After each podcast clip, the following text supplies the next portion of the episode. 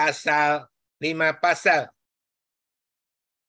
Pasal 45 disambung 46, 47, 48, 49 dan 50. Jadi kitab kejadian selesai.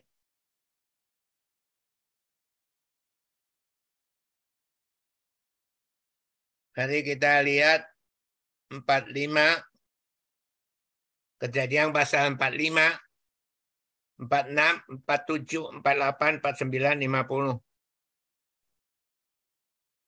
Jika sudah siap, mari kita membaca kebenaran firman Tuhan dengan pelan.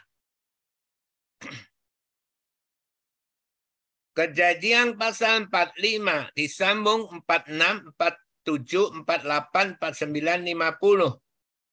Dua, tiga. Ketika itu Yusuf tidak dapat menahan hatinya lagi di depan semua orang yang berdiri di dekatnya. Lalu berserulah Yusuf, suruhlah keluar semua orang dari sini. Maka tidak ada seorang pun yang tinggal di situ bersama-sama Yusuf. Ketika Yusuf memperkenalkan dirinya kepada saudara-saudaranya. Setelah itu menangislah Yusuf keras-keras sehingga kedengaran kepada orang Mesir dan kepada seisi istana Firaun. Dan Yusuf berkata kepada saudara-saudaranya, Akulah Yusuf. Masih hidupkah Bapak? Tetapi saudara-saudaranya tidak dapat menjawabnya sebab mereka takut dan gemetar menghadapi Yusuf.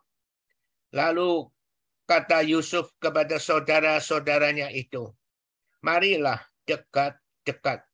Maka mendekatlah mereka. Kata Yusuf lagi, akulah Yusuf, saudaramu, yang kamu jual ke Mesir. Tetapi sekarang, janganlah bersusah hati dan janganlah menyesali diri karena kamu menjual aku Yusuf ke sini.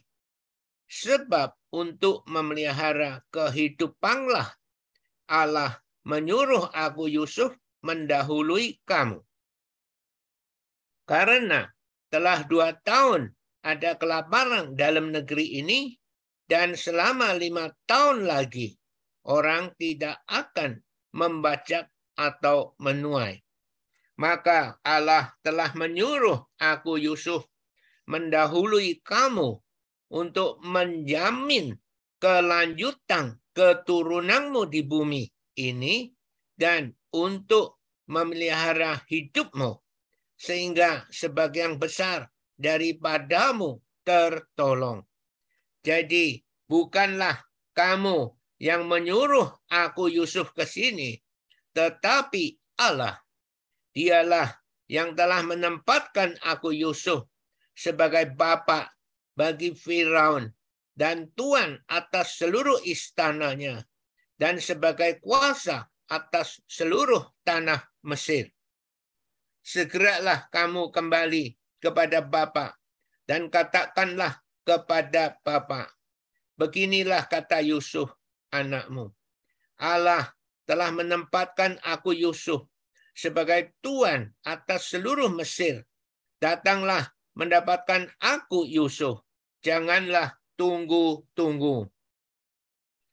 Engkau akan tinggal di tanah Gosen dan akan dekat kepadaku. Engkau serta anak dan cucumu, kambing domba dan lembu sapimu, dan segala milikmu di sanalah aku Yusuf memelihara engkau sebab kelaparan ini masih ada lima tahun lagi. Supaya engkau jangan jatuh miskin bersama seisi rumahmu. Dan semua orang yang ikut serta dengan engkau. Dan kamu telah melihat dengan mata sendiri. Dan saudaraku Benyamin juga bahwa mulutku sendiri mengatakannya kepadamu. Sebab itu, ceritakanlah kepada Bapa segala kemuliaanku di negeri Mesir ini dan segala yang telah kamu lihat. Kemudian segeralah bawa Bapak kemari. Lalu dipeluknya lah leher Benyamin, adiknya itu. Dan menangislah Yusuf. Dan menangis pula lah Benyamin pada bahu Yusuf. Yusuf mencium semua saudaranya itu dengan mesra. Dan Yusuf menangis sambil memeluk mereka. Sesudah itu, barulah saudara-saudaranya bercakap-cakap dengan Yusuf. Ketika dalam istana Firaun terdengar kabar bahwa saudara-saudara Yusuf datang, hal itu diterima dengan baik oleh Firaun dan pegawai-pegawainya. Lalu berkatalah Firaun kepada Yusuf, katakanlah kepada saudara-saudaramu, buatlah begini, muatilah binatang-binatangmu dan pergilah ke tanah Kanaan. Jemputlah ayahmu dan seisi rumahmu dan datanglah mendapatkan aku Yusuf. Maka aku Yusuf akan memberikan kepadamu apa yang paling baik di tanah Mesir, sehingga kamu akan mengecap ke suburang tanah ini. Selanjutnya engkau mendapat perintah mengatakan kepada mereka, buatlah begini, bawalah kereta dari tanah Mesir untuk anak-anakmu dan istri-istrimu. Jemputlah ayahmu dari sana dan datanglah kemari. Janganlah kamu merasa sayang meninggalkan barang-barangmu, sebab apa yang paling baik di seluruh tanah Mesir ini adalah milikmu. Demikianlah dilakukan oleh anak-anak Israel itu. Yusuf memberikan kereta kepada mereka. Menurut perintah Firaun juga diberikan kepada mereka bekal di jalan. Kepada mereka masing-masing diberikannya sepotong pesalin dan kepada Benyamin diberikannya 300 uang perak dan lima potong pesalin.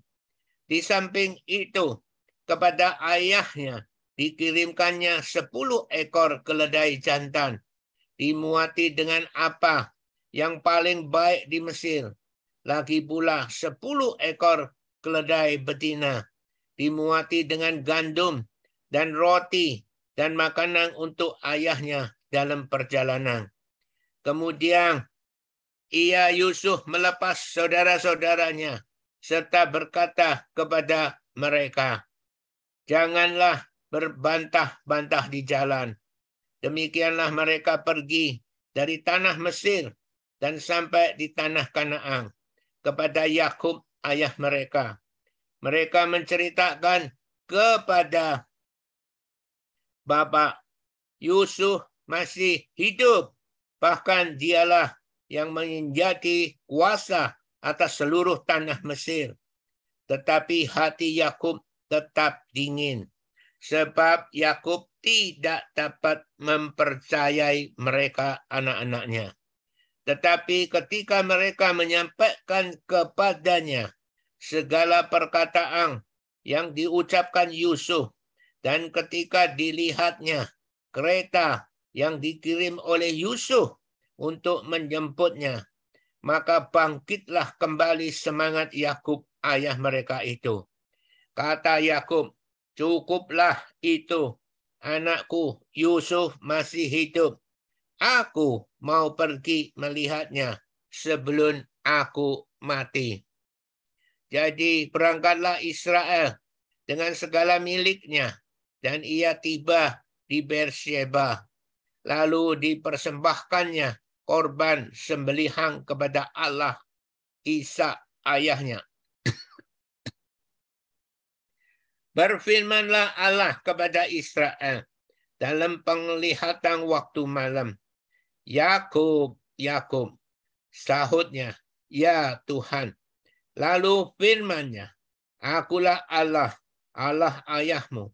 Janganlah takut pergi ke Mesir, sebab aku Allah akan membuat engkau menjadi bangsa yang besar di sana. Aku Allah sendiri akan menyertai engkau pergi ke Mesir dan tentulah aku juga akan membawa engkau kembali. Dan tangan Yusuflah yang akan mengatupkan kelopak matamu nanti.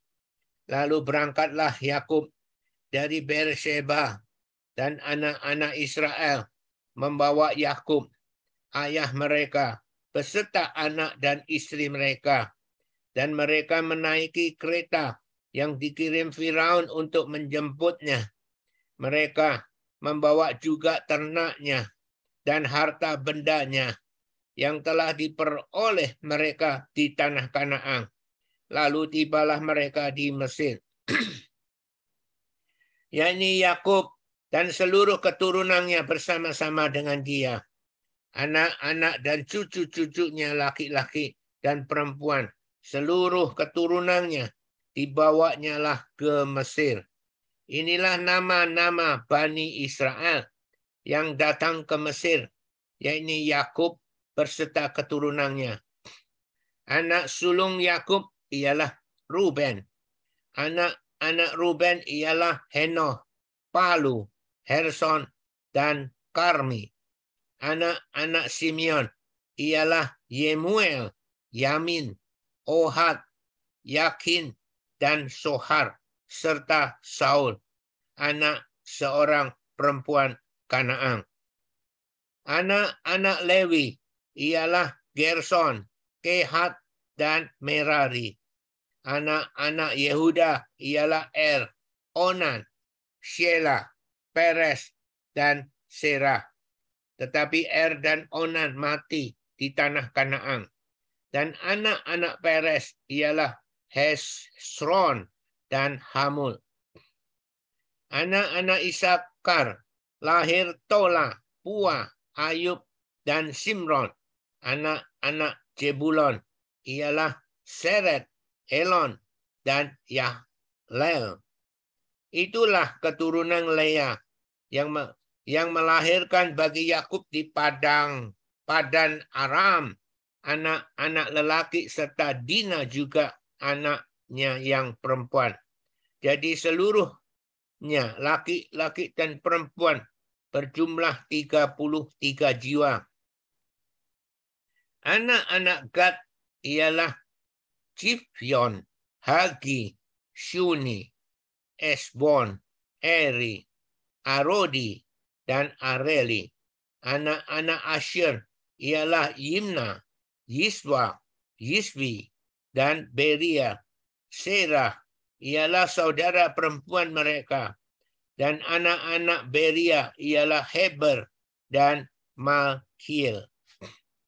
Itulah keturunan Silpa, yang ini hamba perempuan yang telah diberikan Laban kepada Leah, anaknya perempuan, dan yang melahirkan anak-anak bagi Yakub, seluruhnya 16 jiwa.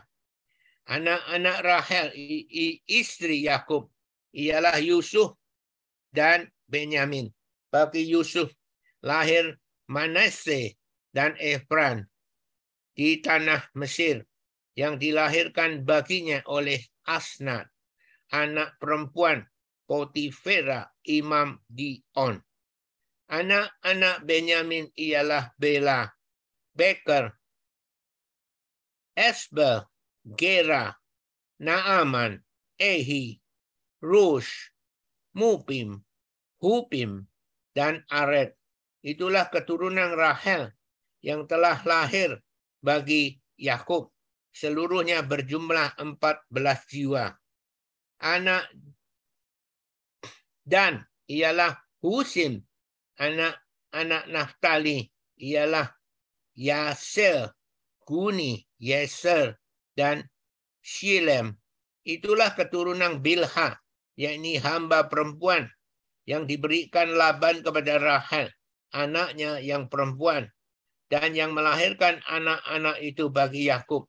seluruhnya berjumlah tujuh jiwa. Semua orang yang tiba di Mesir bersama-sama dengan Yakub, yakni anak-anak kandungnya, dengan tidak terhitung istri anak-anaknya. Seluruhnya berjumlah 66 jiwa. Anak-anak Yusuf yang lahir baginya di Mesir ada dua orang. Jadi keluarga Yakub yang tiba di Mesir seluruhnya berjumlah 70 jiwa. Yakub menyuruh Yehuda berjalan lebih dahulu mendapatkan Yusuf supaya Yusuf datang ke Gosen menemui ayahnya. Sementara itu, sampailah mereka ke tanah Gosen. Lalu Yusuf memasang keretanya dan pergi ke Gosen. Mendapatkan Israel ayahnya. Ketika ia bertemu dengan dia, dipeluknya lah leher ayahnya dan lama menangis pada bahunya. Berkatalah Israel kepada Yusuf, sekarang bolehlah aku mati. Setelah aku, Yakub melihat mukamu dan mengetahui bahwa engkau, Yusuf, masih hidup. Kemudian berkatalah Yusuf kepada saudara-saudaranya dan kepada keluarga ayahnya itu, Aku mau menghadap Firaun dan memberitahukan kepadanya, saudara-saudaraku dan keluarga ayahku yang tinggal di tanah Kanaan telah datang kepadaku. Orang-orang itu gembala kambing domba sebab mereka itu pemelihara ternak dan kambing dombanya, lembu sapinya, dan segala miliknya telah dibawa mereka. Apabila Firaun memanggil kamu dan bertanya, apakah pekerjaanmu? Maka jawablah, hamba-hambamu ini memelihara ternak sejak dari kecil sampai sekarang. Baik kami maupun nenek moyang kami. Dengan maksud supaya kamu boleh diam di tanah kosen. Sebab segala gembala, kambing domba, adalah suatu kekejian bagi orang Mesir.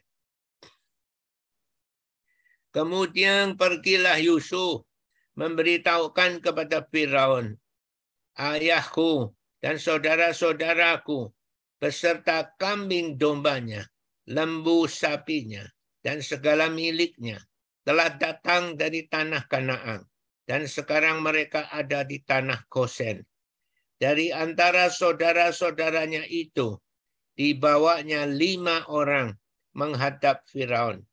Firaun bertanya kepada saudara-saudara Yusuf itu, apakah pekerjaanmu? Jawab mereka kepada Firaun, hamba-hambamu ini, gembala domba, baik kami maupun nenek moyang kami. Lagi kata mereka kepada Firaun, kami datang untuk tinggal di negeri ini sebagai orang asing. Sebab tidak ada lagi padang rumput untuk kumpulan ternak hamba-hambamu ini. Karena hebat kelaparan itu di tanah Kanaan. Maka sekarang izinkanlah hamba-hambamu ini menetap di tanah Gosen. Lalu berkatalah Firaun kepada Yusuf, ayahmu dan saudara-saudaramu telah datang kepadamu. Tanah Mesir ini terbuka untukmu. Tunjukkanlah kepada ayahmu dan kepada saudara-saudaramu tempat menetap di tempat yang terbaik dari negeri ini. Biarlah mereka diam di tanah Kosen. Dan jika engkau tahu di antara mereka orang-orang yang tangkas, tempatkanlah mereka menjadi pengawas ternakku. Yusuf menjawab, membawa juga Yakub ayahnya menghadap Firaun. Lalu Yakub memohonkan berkat bagi Firaun. Kemudian bertanyalah Firaun kepada Yakub, "Sudah berapa tahun umurmu?" Jawab Yakub kepada Firaun, "Tahun-tahun pengembaraanku sebagai orang asing berjumlah 130 tahun. Tahun-tahun hidupku itu sedikit saja dan buruk adanya. Tidak mencapai umur nenek moyangku, yakni jumlah tahun mereka menggembara sebagai orang asing. Lalu Yakub memohonkan berkat bagi Firaun. Sesudah itu keluarlah Yakub dari depan Firaun.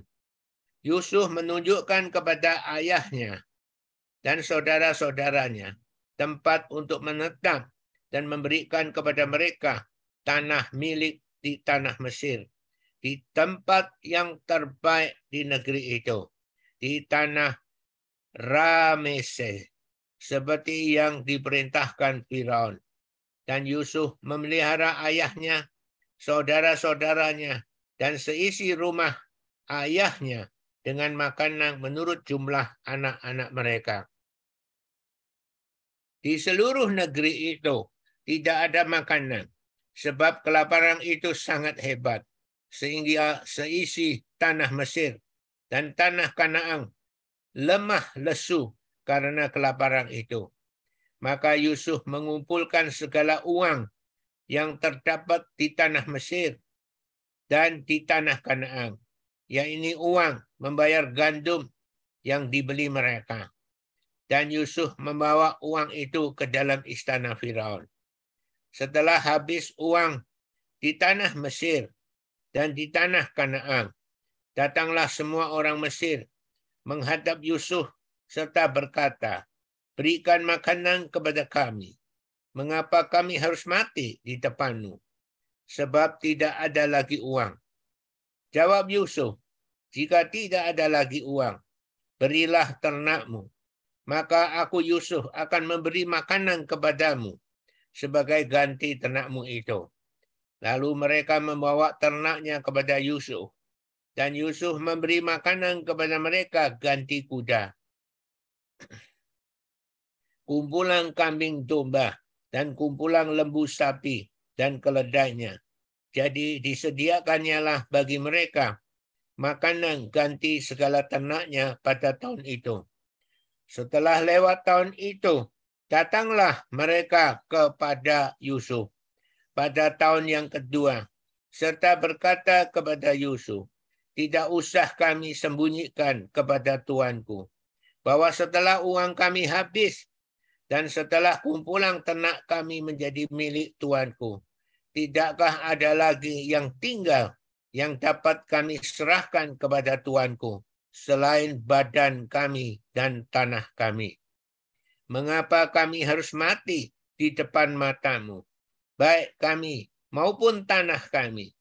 Belilah kami dan tanah kami sebagai ganti makanan. Maka kami dengan tanah kami akan menjadi hamba kepada Firaun.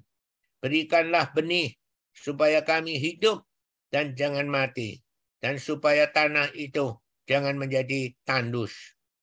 Lalu Yusuf membeli segala tanah orang Mesir untuk Firaun, sebab orang Mesir itu masing-masing menjual ladangnya. Karena berat kelaparan itu menimpa mereka, demikianlah negeri itu menjadi milik Firaun. Dan tentang rakyat itu, di perhambakannya lah mereka di daerah Mesir dari ujung yang satu sampai ujung yang lain. Hanya tanah para imam tidak dibelinya, sebab para imam mendapat tunjangan tetap dari Firaun, dan mereka hidup dari tunjangan itu. Itulah sebabnya mereka tidak menjual tanahnya. Berkatalah Yusuf kepada rakyat itu, pada hari ini, aku Yusuf telah membeli kamu dan tanahmu untuk Fir'aun. Inilah benih bagimu, supaya kamu dapat menabur di tanah itu. Mengenai hasilnya, kamu harus berikan seperlima bagian kepada Firaun. Dan yang empat bagian lagi itulah menjadi benih untuk ladangmu dan menjadi makanan kamu dan mereka yang ada di rumahmu dan menjadi makanan anak-anakmu. Lalu berkatalah mereka, Engkau telah memelihara hidup kami. Asal kiranya kami mendapat kasih Tuanku biarlah kami menjadi hamba kepada Firaun. Yusuf membuat hal itu menjadi satu ketetapan mengenai tanah di Mesir sampai sekarang. Yang ini bawah seperlima dari hasilnya menjadi milik Firaun. Hanya tanah para imam tidak menjadi milik Firaun.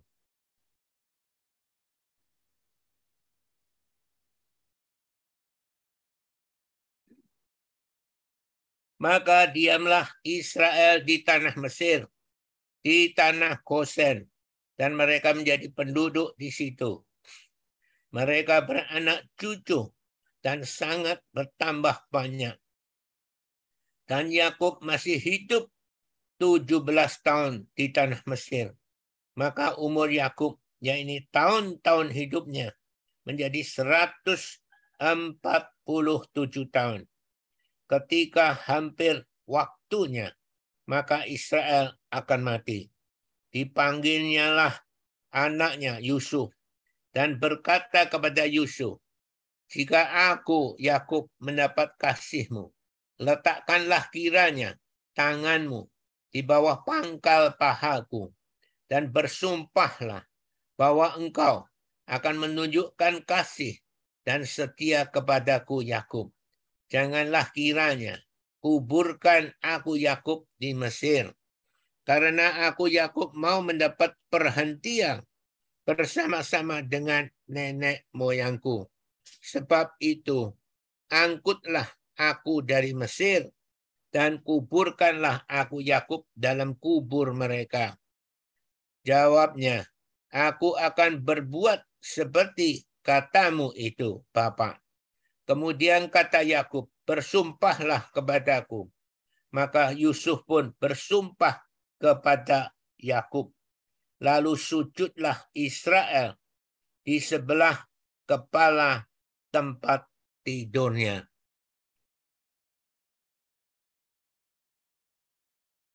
Sesudah itu, ada orang mengatakan kepada Yusuf, ayahmu sakit. Lalu dibawanya lah kedua anaknya, Manasye dan Efren.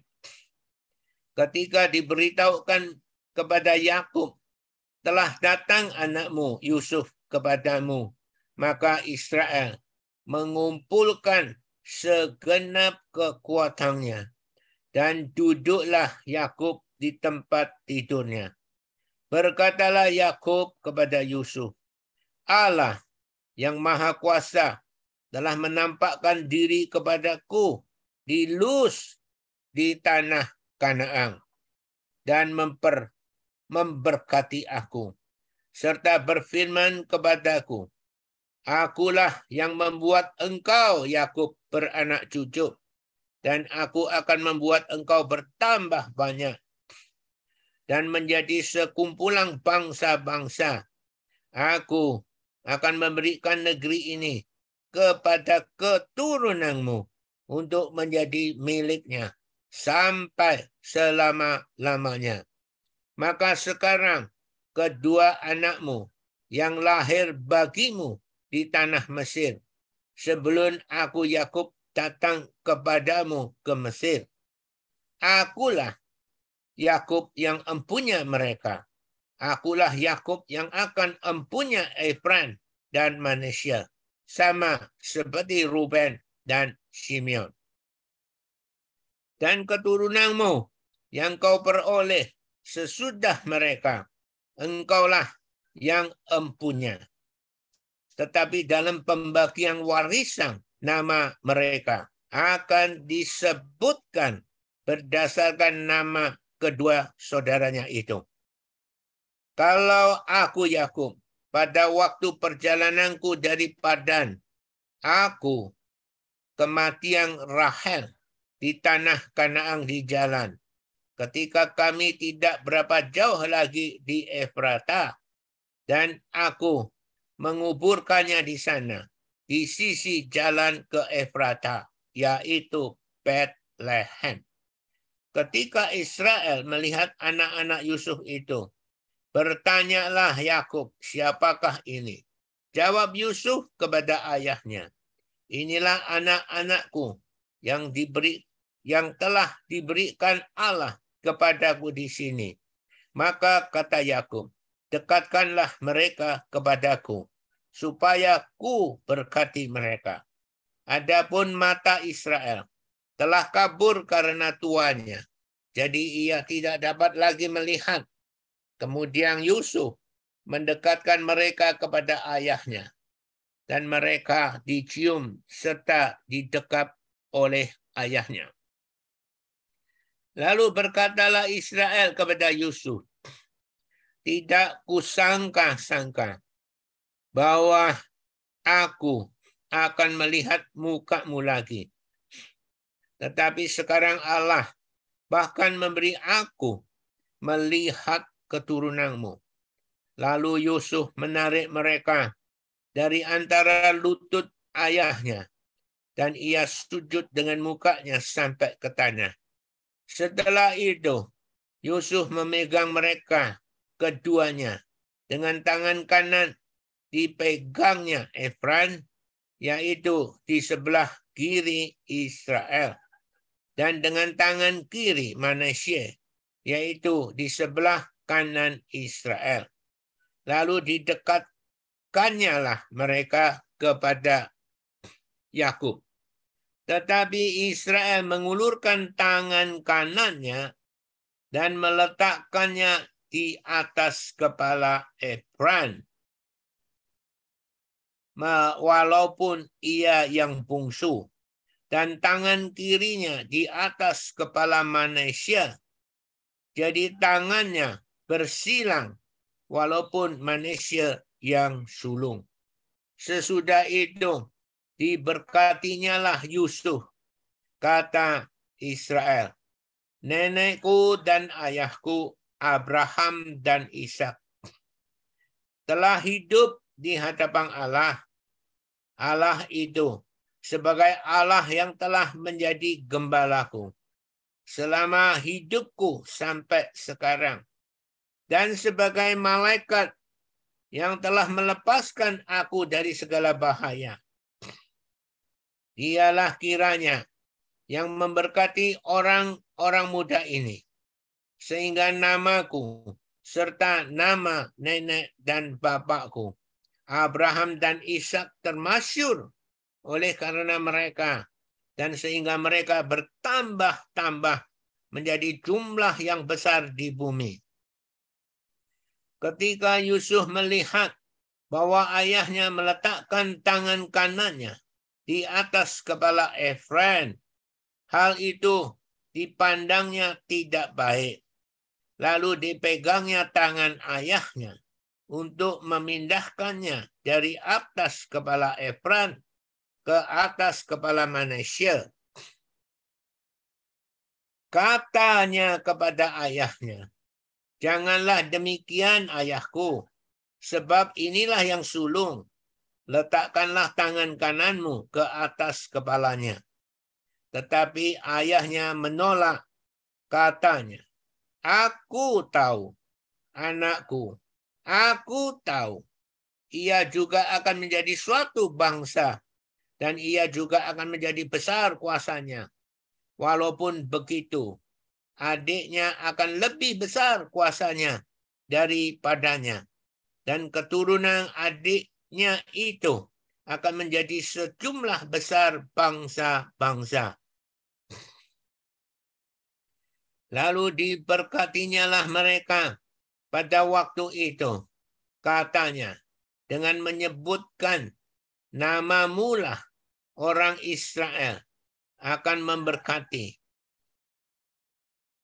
Demikian Allah kiranya membuat engkau seperti Efran dan seperti manusia.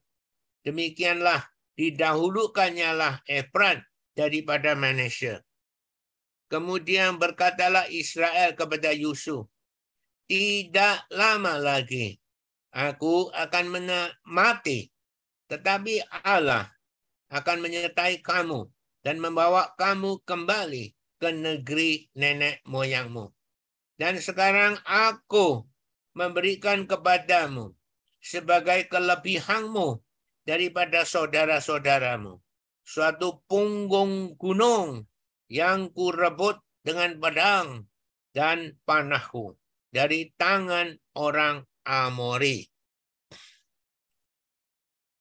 Kemudian Yakub memanggil anak-anaknya dan berkata, "Datanglah berkumpul supaya ku Yakub beritahukan kepadamu apa yang akan kamu alami di kemudian hari. Berhimpunlah kamu dan dengarlah, ya anak-anak Yakub, dengarlah kepada Israel ayahmu. Ruben, engkaulah anak sulungku, kekuatanku dan permulaan kegagahanku. Engkaulah yang terutama dalam keluhuran, yang terutama dalam kesanggupan. Engkau yang membual sebagai air, tidak lagi engkau yang terutama. Sebab engkau telah menaiki tempat tidur ayahmu. Waktu itu engkau telah melanggar kesuciannya. Dia telah menaiki pertiduranku. Simeon dan Lewi bersaudara. Senjata mereka ialah alat kekerasan. Janganlah kiranya jiwaku turut dalam permupakatan mereka. Janganlah kiranya rohku bersatu dengan perkumpulan mereka. Sebab dalam kemarahannya mereka telah membunuh orang dan dalam keangkaraannya mereka telah memotong urat keting lembut. Terkutuklah kemarahan mereka sebab amarahnya keras. Terkutuklah keberangan mereka sebab berangnya bengis. Aku akan membagi bagikan mereka di antara anak-anak Yakub dan menyerahkan mereka di antara anak-anak Israel. Yehuda, engkau akan dipuji oleh saudara-saudaramu. Tanganmu akan menekan tengkuk musuhmu kepadamu akan sujud anak-anak ayahmu. Yehuda adalah seperti anak singa. Setelah menerkam, engkau naik ke suatu tempat yang tinggi. Hai anakku. Ia meniarap dan berbaring seperti singa jantan atau seperti singa betina. Siapakah yang berani membangunkannya? Tongkat kerajaan tidak akan beranjak dari Yehuda ataupun lambang pemerintahan dari antara kakinya. Sampai dia datang yang berhak atasnya maka kepadanya akan takluk bangsa-bangsa. Ia akan menambatkan keledainya pada pohon anggur dan anak keledainya pada pohon anggur pilihan ia akan mencuci pakaiannya dengan anggur dan bajunya dengan darah buah anggur. Matanya akan merah karena anggur dan giginya akan putih karena susu. Jebulon akan diam di tepi pantai laut. Ia akan menjadi pangkalan kapal dan batasnya akan berisi bersisi dengan Sidon. Isakar adalah seperti keledai yang kuat tulangnya, yang meniarap di apit bebannya. Ketika dilihatnya bahwa perhentian itu baik dan negeri itu permai, maka disendangkannya lah bahunya untuk memikul, lalu menjadi budak rodi. Adapun Dan, ia akan mengadili bangsanya sebagai salah satu suku Israel. Semoga Dan menjadi seperti ular di jalan, seperti ular beludak di denai yang memakut tumit kuda, sehingga penunggangnya jatuh ke belakang. Aku menanti-nantikan keselamatan yang daripadamu, ya Tuhan. God, ia akan diserang oleh gerombolan, tetapi ia akan menyerang tumit mereka. Asyur, makanannya akan limpah mewah, dan ia akan memberikan santapan raja-raja. Naftali, adalah seperti rusa betina yang terlepas. Ia akan melahirkan anak-anak indah. Yusuf adalah seperti pohon buah-buahan yang muda. Pohon buah-buahan yang muda pada mata air. Dahan-dahannya naik mengatasi tembok. Walaupun pemanah-pemanah telah mengusiknya, memanahnya, dan menyerbunya uh, namun panahnya tetap kokoh dan lengan tangannya tinggal lihat. Oleh pertolongan yang maha kuat pelindung Yakub, oleh sebab gembalanya gunung batu Israel, oleh Allah ayahmu dan yang akan menolong engkau, dan oleh Allah yang maha kuasa yang akan memberkati engkau dengan berkat dari surga di atas, dengan berkat samudra raya yang letaknya di bawah, dengan berkat buah dada dan kandungan. Berkat ayahmu melebihi engkau, melebihi berkat-berkat gunung-gunung yang sejak dahulu, yakni yang paling sedap di bukit-bukit yang beradab-adab Semuanya itu akan turun ke atas kepala Yusuf, ke atas batu kepala orang yang teristimewa di antara saudara-saudaranya. Benjamin adalah seperti serigala yang menerkam. Pada waktu pagi ia memakan mangsanya, dan pada waktu petang ia membagi bagi rampasannya. Itulah semuanya suku Israel. dua belas jumlahnya. Dan itulah yang dikatakan ayahnya kepada mereka ketika ia memberkati mereka. Tiap-tiap orang diberkatinya dengan berkat yang diuntukkan kepada mereka masing-masing. Kemudian berpesanlah Yakub kepada mereka, apabila aku Yakub nanti dikumpulkan kepada kaum leluhurku, kuburkanlah aku Yakub di sisi nenek moyangku dalam gua yang di ladang Efron orang Het itu. Dalam gua yang di ladang Makpela di sebelah timur Mamre di tanah Kanaan ladang yang telah dibeli Abraham dari Efron orang Het itu untuk menjadi kuburan milik. Di situlah dikuburkan Abraham beserta Sarah, istrinya. Di situlah dikuburkan Isa beserta Ribka, istrinya.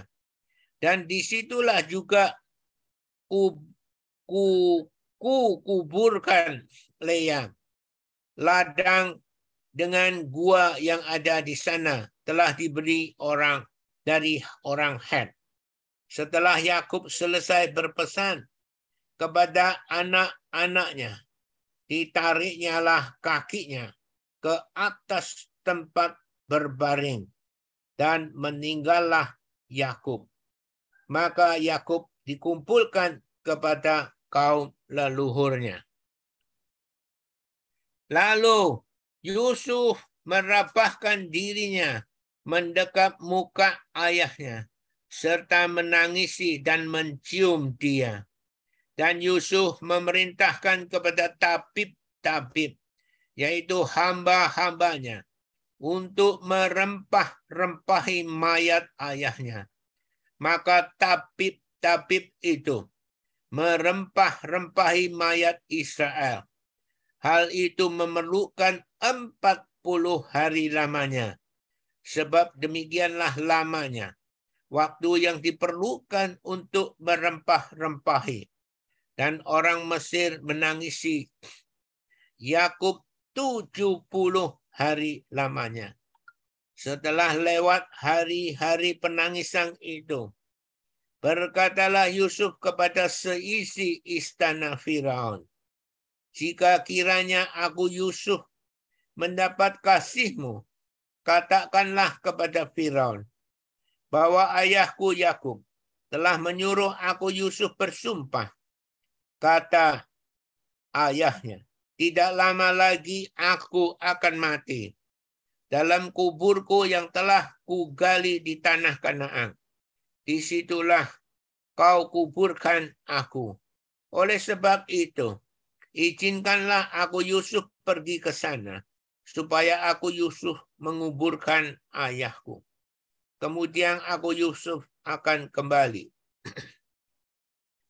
Lalu berkatalah Firaun, pergilah ke sana dan kuburkanlah ayahmu itu seperti yang telah disuruhkannya disuruhnya engkau bersumpah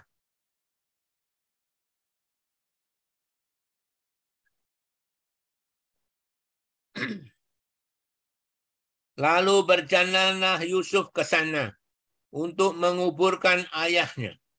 Dan bersama-sama dengan dia Berjalanlah semua pegawai Firaun, para tua-tua dari istananya, dan semua tua-tua dari tanah Mesir.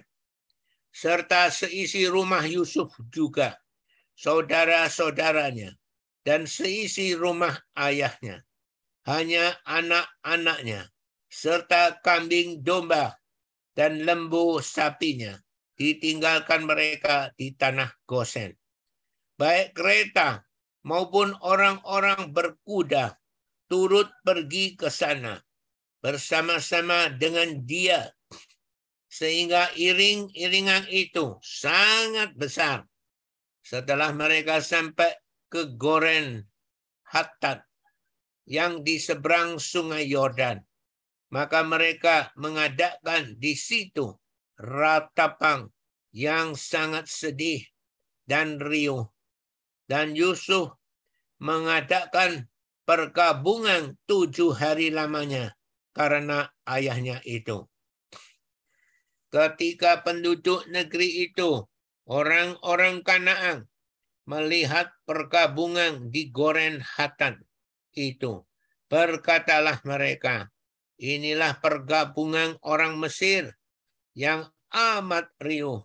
Itulah sebabnya tempat itu dinamai Abel Misram yang letaknya di seberang Yordan. Anak-anak Yakub melakukan kepadanya seperti yang dipesankannya kepada mereka.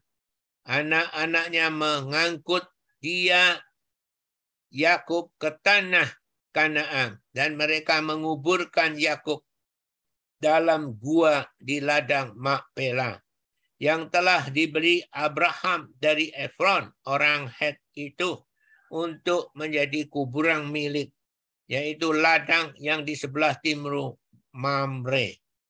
Setelah ayahnya dikuburkan, pulanglah Yusuf ke Mesir, dia dan saudara-saudaranya, dan semua orang yang turut pergi ke sana bersama-sama dengan dia Yusuf untuk menguburkan ayahnya itu. Ketika saudara-saudara Yusuf melihat bahwa ayah mereka telah mati, berkatalah mereka, boleh jadi Yusuf akan mendendam kita dan membalaskan sepenuhnya kepada kita segala kejahatan yang telah kita lakukan kepadanya. Sebab itu mereka menyuruh menyampaikan pesan ini kepada Yusuf. Sebelum ayahmu mati, ia telah berpesan, beginilah harusnya kamu katakan kepada Yusuf, ampunilah kiranya kesalahan saudara-saudara dan dosa mereka, sebab mereka telah berbuat jahat kepadamu. Maka sekarang ampunilah kiranya kesalahan yang dibuat hamba-hamba Allah ayahmu. Lalu menangislah Yusuf ketika orang berkata demikian kepadanya. Juga saudara-saudaranya datang sendiri dan sujud di depan Yusuf serta berkata, kami datang untuk menjadi budakmu. Tetapi Yusuf berkata kepada mereka, Janganlah takut, sebab aku Yusuf, inikah pengganti Allah? Memang kamu telah mereka-rekakan yang jahat terhadap aku Yusuf. Tetapi Allah telah mereka-rekakannya untuk kebaikan. Dengan maksud melakukan seperti yang terjadi sekarang ini. Yaitu memelihara hidup suatu bangsa yang besar. Jadi janganlah takut. Aku Yusuf akan menanggung makananmu dan makan anak-anakmu juga. Demikianlah ia Yusuf menghiburkan mereka dan menenangkan hati mereka dengan perkataannya. Adapun Yusuf, ia tetap tinggal di Mesir beserta kaum keluarganya dan Yusuf hidup 110 tahun. Jadi Yusuf sempat melihat anak cucu Efren sampai keturunan yang ketiga. Juga anak-anak Makir, anak Manesya, lahir di pangkuan Yusuf. Berkatalah Yusuf kepada saudara-saudaranya, Tidak lama lagi aku Yusuf akan mati tentu Allah akan memperhatikan kamu dan membawa kamu keluar dari negeri ini ke negeri yang telah dijanjikan Allah dengan sumpah kepada Abraham, Isa dan Yakub. Lalu Yusuf menyuruh anak-anak Israel bersumpah.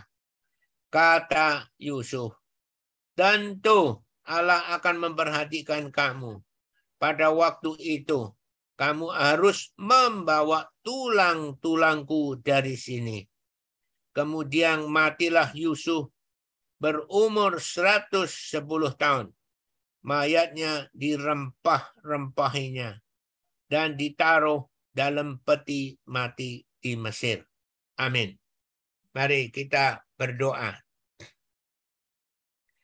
Ya Tuhan Roh Kudus yang mulia yang sangat mengasihi kami.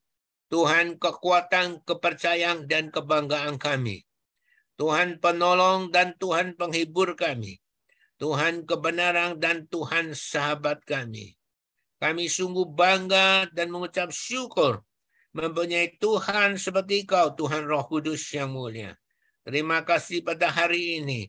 Kau telah memberikan kami kekuatan dan kesabaran untuk mendengarkan kebenaran firman-Mu. Ya Tuhan hari ini, kau jamah hati anak-anakmu, supaya hati anak-anakmu menjadi hati yang lembut, hati yang siap ditabur oleh kebenaran firman Tuhan. Siap bertumbuh dan berbuah-buah di dalam kebenaran firman Tuhan. Dan limpahkan pewahyuhan pewahyuan dari surga melimpah-limpah turun atas anak-anakmu.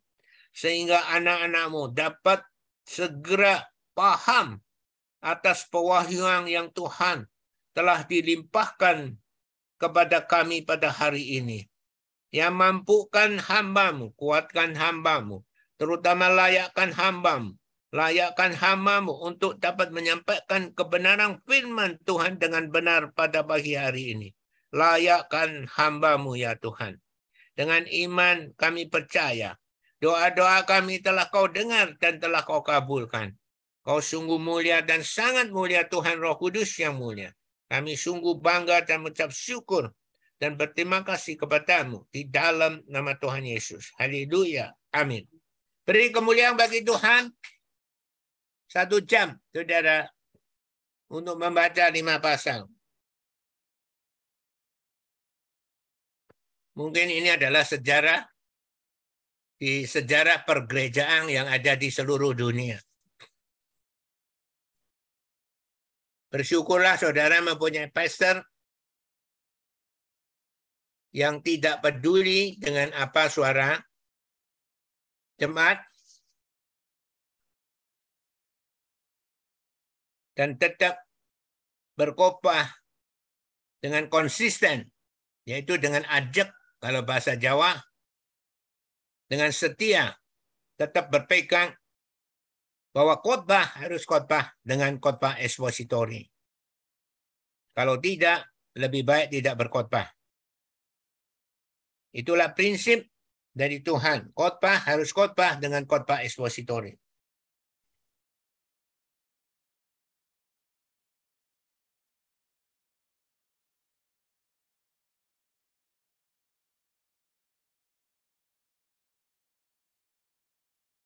Ya, maaf, pastor minta bantuan untuk minum.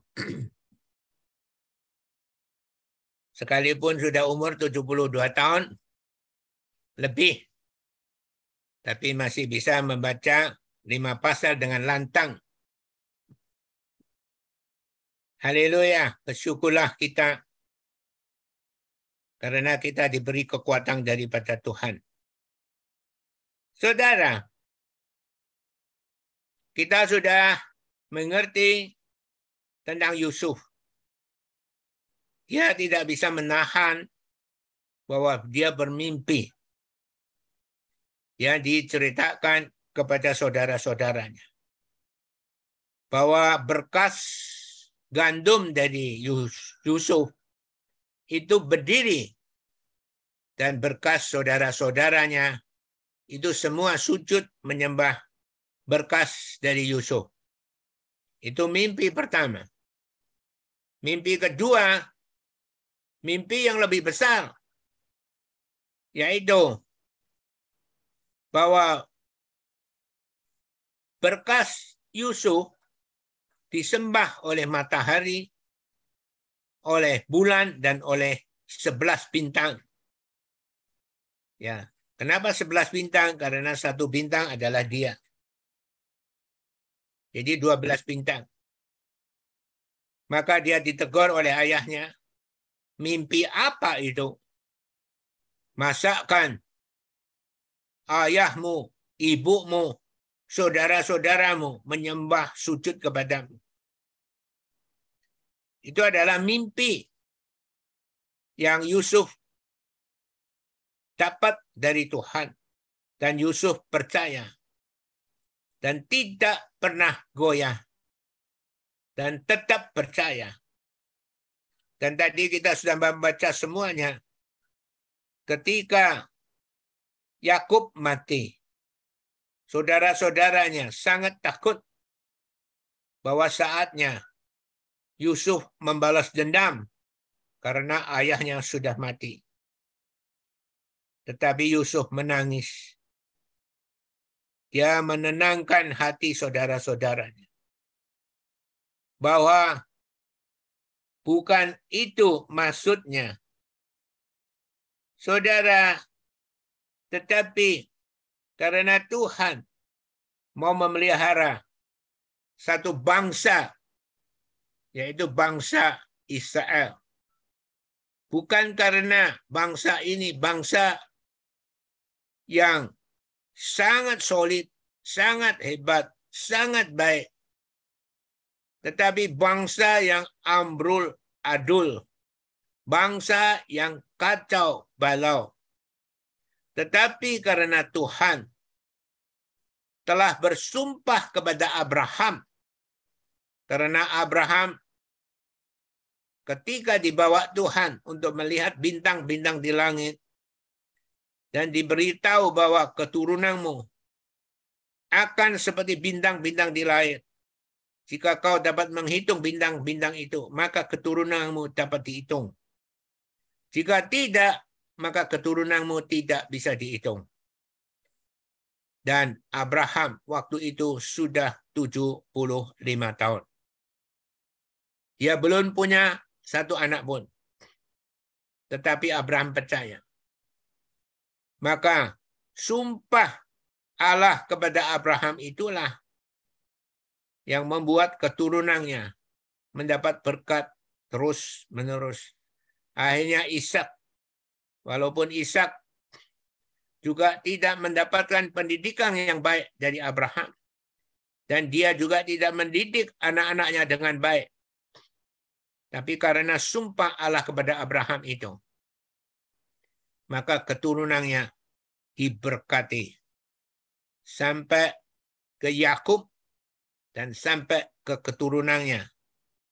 Dan Yakub pun diganti namanya menjadi Israel. Maka sampai kepada bangsa Israel.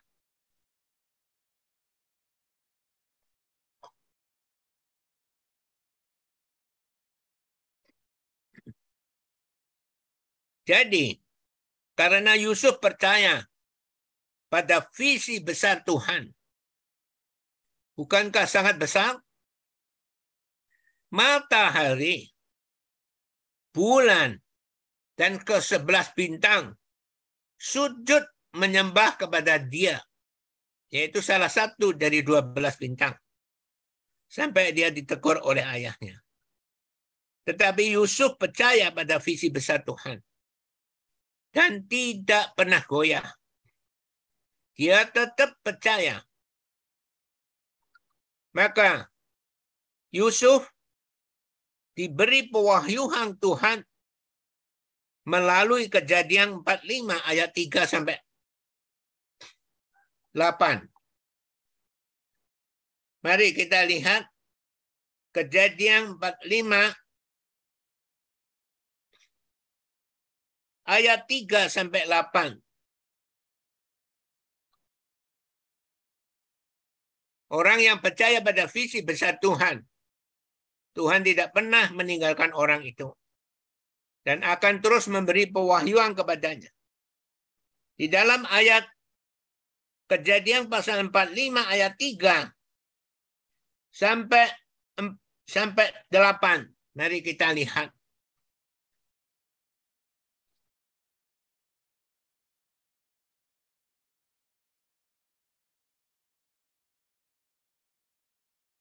Mari kita lihat. Haleluya. Haleluya. Dan Yusuf berkata kepada saudara-saudaranya. Karena saudara-saudaranya masih takut. Sungguh luar biasa kewibawaan Yusuf pada waktu itu. Dia di bawah satu orang saja, yaitu Firaun. Tetapi menjadi semua, menjadi bapak penguasa untuk seluruh Mesir. Ya. Betapa luar biasa kuasa Yusuf. Maka saudara-saudaranya ketika Yusuf mengaku tapi mereka takut. Maka ayat 3 Yusuf berkata, dan Yusuf berkata kepada saudara-saudaranya, Akulah Yusuf Jadi dia mengenalkan dirinya bahwa dia adalah Yusuf. Masih hidupkah Bapak? Yaitu Yakub. Tetapi saudara-saudaranya tidak dapat menjawab Yusuf. Sebab mereka takut dan gemetar menghadapi Yusuf. Bukankah Yusuf sudah menceritakan mimpinya bahwa berkas-berkas saudara-saudaranya menyembah kepada dia, bahwa matahari, bulan, dan ke sebelas bintang menyembah dia, bahkan dia di, sempat dimarahi oleh ayahnya. Sekarang benar-benar mereka takut sebab mereka yaitu saudara-saudaranya takut dan gemetar dan gemetar menghadapi Yusuf mimpinya dilaksanakan oleh Tuhan. Ayat 4. Lalu kata Yusuf kepada saudara-saudaranya itu, marilah dekat-dekat. Mereka takut mendekat. Maka mendekatilah, mendekatlah mereka. Kata Yusuf lagi, akulah Yusuf, saudaramu, yang kamu jual ke Mesir Tetapi sekarang janganlah bersusah hati dan janganlah menyesali diri karena menjual aku. Sebab, perhatikan, sebab untuk memelihara kehidupanlah. Untuk memelihara kehidupanlah.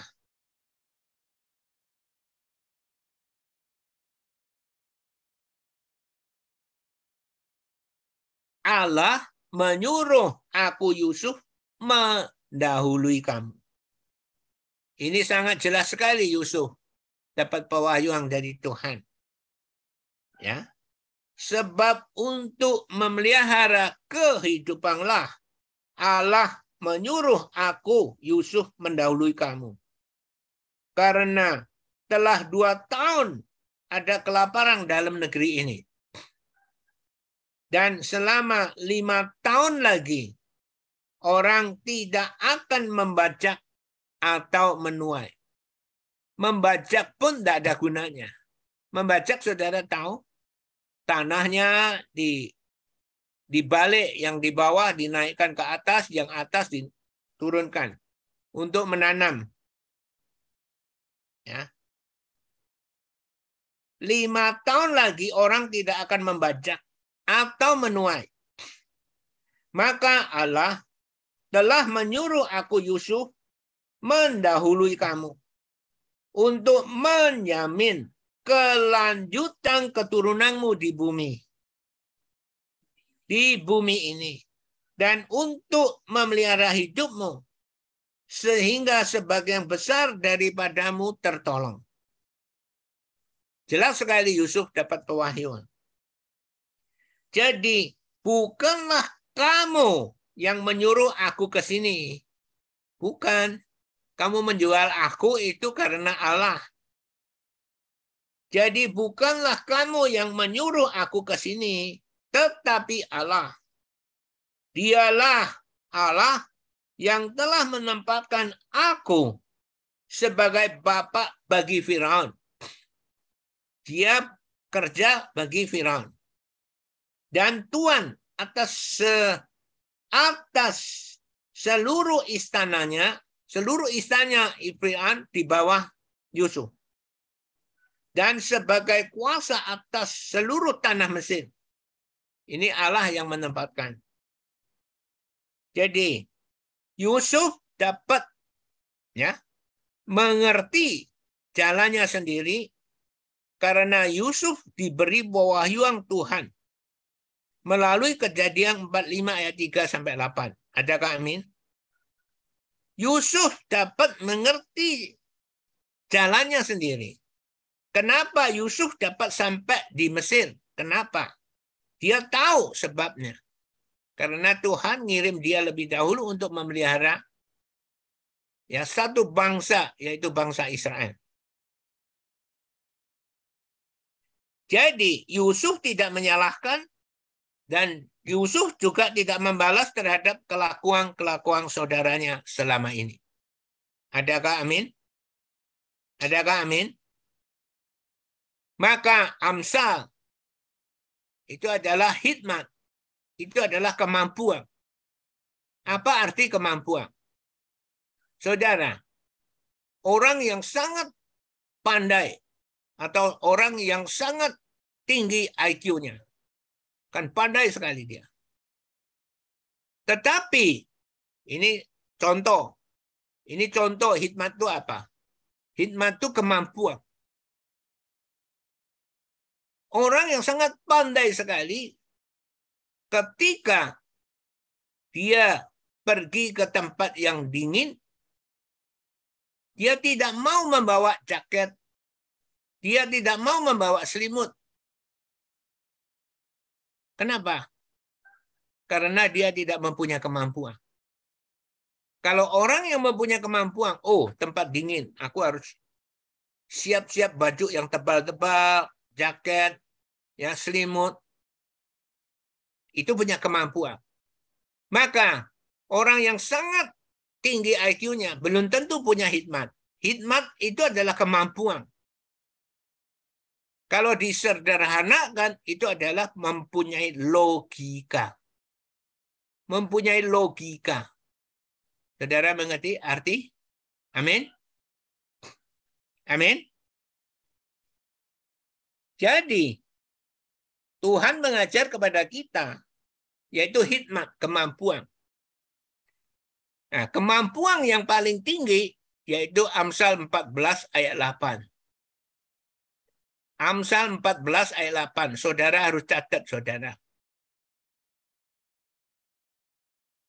Mengerti jalannya sendiri adalah hikmat orang cerdik. Mengerti jalannya sendiri adalah hikmat orang cerdik. Jadi kalau kita mengerti jalannya kita sendiri, kita mempunyai kemampuan yang cerdik. Bukan kemampuan saja, tapi kemampuan yang cerdik. Nah, Yusuf dia dapat pewahyuan karena dia percaya kepada visi besar Tuhan dan tidak pernah goyah. Maka dia terus diberi pewahyuan oleh Tuhan sehingga dia mengerti jalannya sendiri. Dia mengerti kenapa dia sampai di Mesir. Yaitu untuk memelihara satu bangsa maka dia tidak menyalahkan dan tidak membalas terhadap kelakuan-kelakuan saudara. Saudara ya yang sangat keji itu. Adakah amin? Maka mengerti jalannya sendiri itu adalah hikmat orang cerdik. Saudara, maka saudara kalau bisa mengerti jalannya sendiri, Kenapa saudara bisa sampai sekarang? Dan saudara mengerti kenapa dan untuk apa saudara hidup. Nah, saudara mendapat hikmat orang cerdik. Seperti Amsal 14 ayat 8. Saudara mengerti? Amin. Amin. Dan pada waktu itu adalah ada kelaparan yang dahsyat Adakah amin? Cerita ini kita baca tadi. Ada kelaparan yang sangat dahsyat. Ya, mimpi ini ketika ada lembu yang ya bentuknya bagus gemuk gitu. satu tujuh tahun dan tujuh tahun lagi ada ada lembu yang kurus kering yang sangat sangat jelek bentuknya tetapi yang kering ini memakan yang gemuk dan Firaun tidak bisa menafsirkan mimpi itu. Tetapi Yusuf karena Allah memberi dia untuk memecahkan. Yaitu kelaparan itu akan memakan kelimpahan yang tujuh tahun sebelumnya. Maka pada waktu itu ya ada kelaparan yang dahsyat. Dan di tahun kedua dari tujuh tahun kelaparan itu ketika saudara-saudaranya ya untuk membeli makanan di Mesir. Adakah amin? Adakah adakah amin? Jadi, andai kata Tuhan tidak menempatkan Yusuf di Mesir lebih dahulu, akan seperti apa jadinya keturunan Israel itu? Ya pasti sudah binasa karena keluar kelaparan yang dahsyat itu. Sangat dahsyat sekali. Membajak tidak bisa, percuma. Ya, menabur benih ya percuma. Ya tidak bisa membajak, tidak bisa menuai. Adakah amin? Maka pada hari ini Tuhan mau mengajar sebuah prinsip Tuhan yang sangat penting. Prinsip Tuhan yang sangat penting yaitu apa saudara? Percaya kepada visi besar Tuhan dan jangan goyah. Percaya kepada visi besar Tuhan dan jangan goyah. Sekalipun dalam keadaan kesengsaraan. Sekalipun dalam keadaan kesengsaraan. Sehingga satu bangsa pilihan Tuhan dapat diselamatkan. Sehingga satu bangsa pilihan Tuhan dapat diselamatkan, yaitu bangsa Israel. Adakah amin? Adakah amin? Maka percaya kepada visi besar Tuhan dan jangan goyah. Itu adalah penting sekali. Ya. Khotbah ini, khotbah Sum ini diadakan dari puluhan orang 20 30 orang akhirnya menjadi hari ini hanya 13 orang. Saudara. Tetapi ini adalah visi besar Tuhan yaitu untuk memenuhi amanat agung Tuhan Yesus, perintah agung dari Tuhan Yesus. Apakah ini lancar? Tidak. Tetapi jika tidak goyah, maka akan menolong bangsa umat manusia di dunia ini. Sekalipun ini kecil. Saudara, maka hari ini Tuhan memberi kita percaya kepada visi besar Tuhan dan jangan goyah. Sekalipun dalam keadaan kesengsaraan. Ya ini kesengsaraan saudara. Pastor menyiapkan khotbah dengan susah payah. Yang mendengarkan tambah lama tambah sedikit. Bahkan diembel-embeli dengan kata bosan.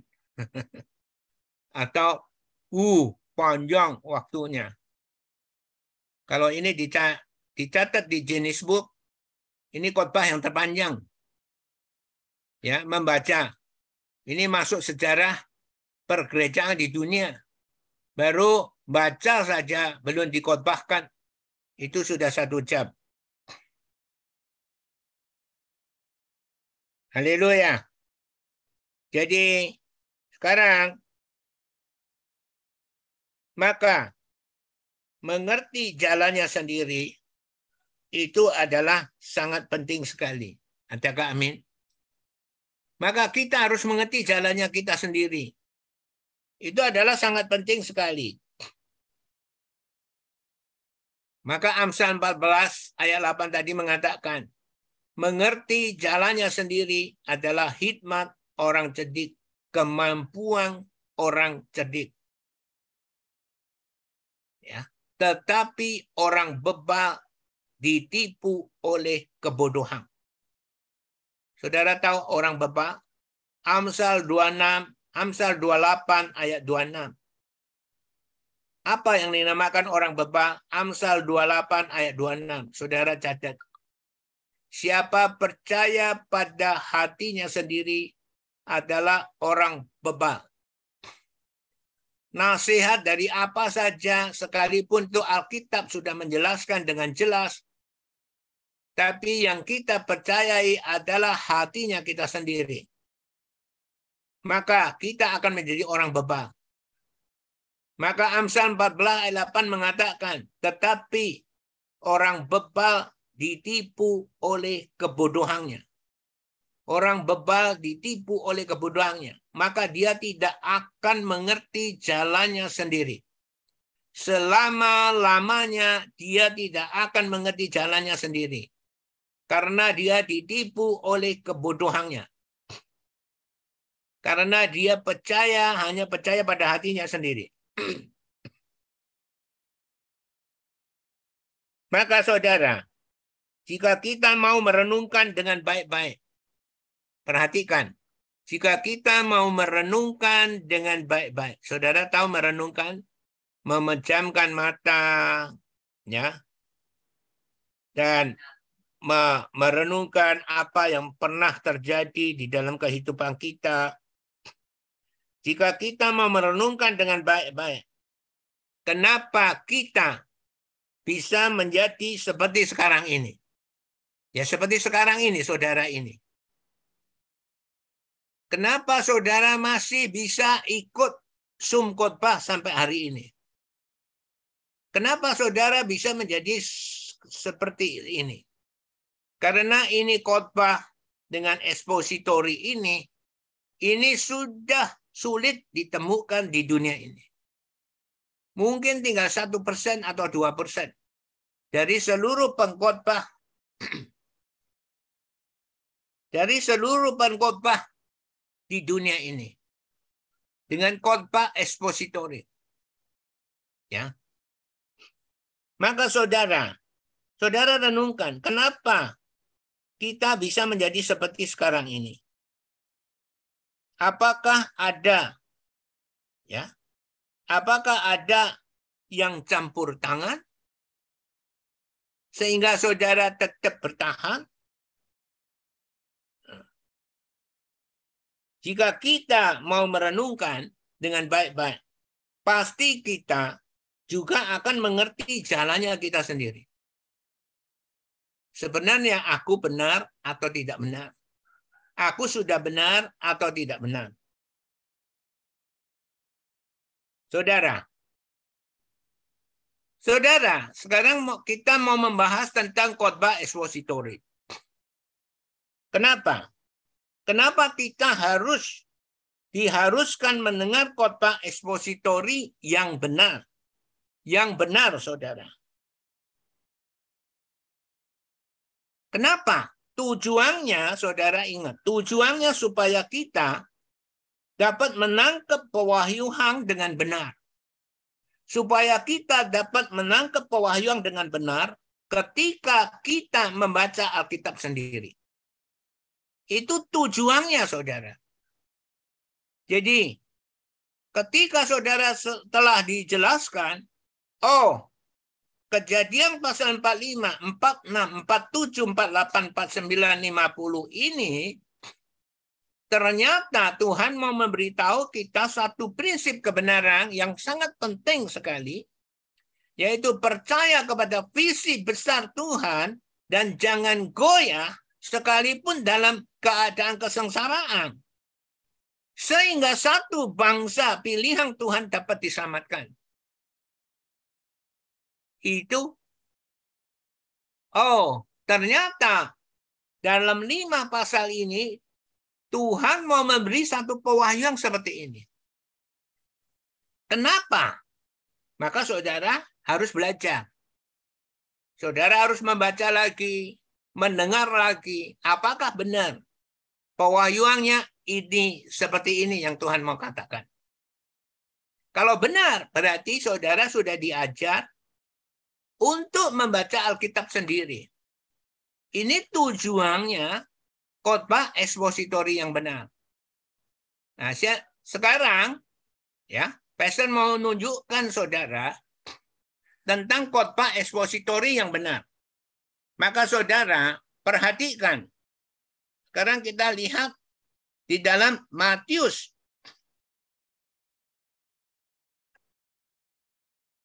Kita lihat di dalam Matius 7 ayat 24.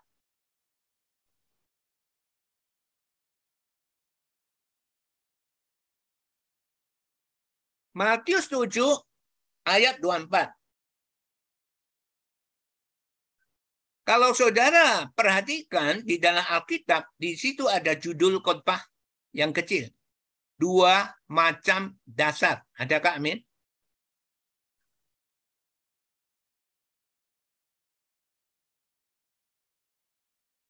Kalau kita mencontoh Alkitab, ya pasti benar lah. Dua macam dasar. Ini hanya memberi kategori, tapi bukan pewahyuan, saudara. Kategori ada dua macam dasar. Maka di sini disebut ayat 24. Perhatikan, ini pastor jelaskan tentang khotbah expository yang benar. Itu akan mempengaruhi seseorang. Apakah menangkap pewahyuan ketika kita membaca Alkitab sendiri itu dengan benar atau salah?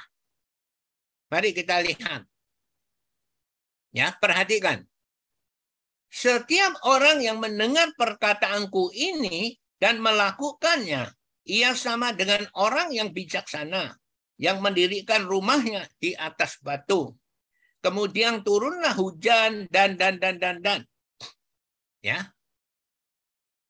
Oh, jadi membangun rumah itu harus di atas batu, jangan di atas pasir. Ya. Dan di sini tetapi setiap orang yang mendengar perkataanku ini dan tidak melakukannya, ia sama dengan orang yang bodoh yang mendirikan rumah di atas pasir. Oh, dua macam dasar ini ini. Terus saudara khotbahkan. Ini khotbah ini tidak ada tidak ada satu satu kekuatan. Dan kita khotbahkan ini untuk apa? Tetapi jika saudara jeli, saudara jeli, setiap orang yang mendengarkan perkataanku ini dan melakukannya. Nah, ini itu artinya apa ini? Nah, ini itu diambil dari atas. Yaitu Matius 7 ayat 21 sampai 23. Jadi ini, ini itu adalah ayat 21 sampai 23. Saudara mengerti? Tetapi jika kita tidak teliti, maka apalagi Alkitab ditulis dua macam dasar, maka kita khotbahkan dua macam dasar. Khotbah yang seperti itu adalah khotbah yang cemplang. Saudara cemplang tahu? Kalau masaang tidak ada garamnya. Anyep. Saudara mengerti? Amin. Maka pirik ini dengan pirikop enggak? Pirikop. Bahkan pirikopnya sesuai Alkitab. Tetapi pembagian ini tidak benar, saudara. Dua macam dasar ini akan membingungkan kita sehingga kita lupa. Setiap orang yang mendengar perkataanku ini dan melakukannya, apa perkataanku ini? Yaitu yang di atas tadi. Bukan setiap orang yang berseru kepadaku Tuhan, Tuhan akan masuk ke dalam kerajaan surga. Melainkan dia yang melakukan kehendak Bapakku yang di surga. Dan, dan, dan, dan, dan, dan. Jadi ini kita tidak bisa pisah khotbahkan secara kelihatannya secara ekspositori, tapi kita hanya mengambil Matius 7 ayat 24 sampai 27. Tetapi yang benar adalah Matius 7 ayat 21 sampai 27. Kita tidak terpengaruh oleh dua macam dasar ini. Jadi ini bukan pewahyuan dua macam dasar. Ini hanya pengelompokan, saudara. Nah, saudara, penting nggak khotbah ekspositori itu? Khotbah ekspositori yang yang benar itu penting atau tidak? Saudara, maka kenapa saudara harus mendengarkan khotbah ekspositori dengan benar? Karena supaya saudara dilatih Ketika saudara membaca Alkitab sendiri, saudara bisa menangkap pewahyuan yang benar dari Tuhan. Maka saudara, ini ini adalah penting sekali saudara. Kata ini, setiap orang yang mendengarkan perkataanku ini dan melakukannya, yaitu Matius 7 ayat 21 sampai 23. Ini, ini. Saudara mengerti? Amin. Amin. Maka saudara khotbah ekspositori itu har, diharuskan meng, me, mendengar khotbah ekspositori yang benar itu tujuannya supaya kita dapat menangkap pewahyuan dengan benar ketika kita membaca Alkitab sendiri. Maka ketika saudara mengkhotbahkan khotbah ekspositori, saudara harus membaca pasal demi pasal, pasal demi pasal. Maka ketika uh, Pastor menyiapkan khotbah pasal 45, Pastor baca, ketoknya belum selesai. Disambung pasal 46. Kok kelihatan belum selesai? Disambung 47. Kok kelihatannya belum selesai. Sambung 48. Sambung 49. Sambung 450. Kok belum yakin? Diulang lagi dari pasal 45, 46, 47. Tadi baca saja satu jam. Apalagi diteliti. Itu bisa dua jam. Dan menelitinya bukan satu kali, dua kali, tiga kali.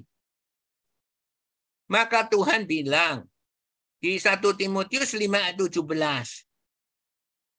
Penatua, penatua yang baik pimpinannya patut dihormati dua kali lipat. Terutama mereka yang dengan jerih payah berkhotbah dan mengajar.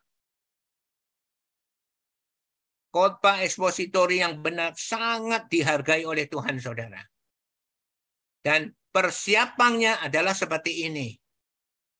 Sekarang saudara mengerti dan selama ini yang saudara terima khotbah ekspositori itu direkam dan saudara boleh mendengarkan kembali juga boleh didiskusikan dengan orang lain dengan pendeta-pendeta terserah. Apakah benar pewahyuan itu? Saudara mengerti? Amin. Jadi ceritanya kalau di pengadilan itu ada faktanya. Ini faktanya. Ini direkam, saudara.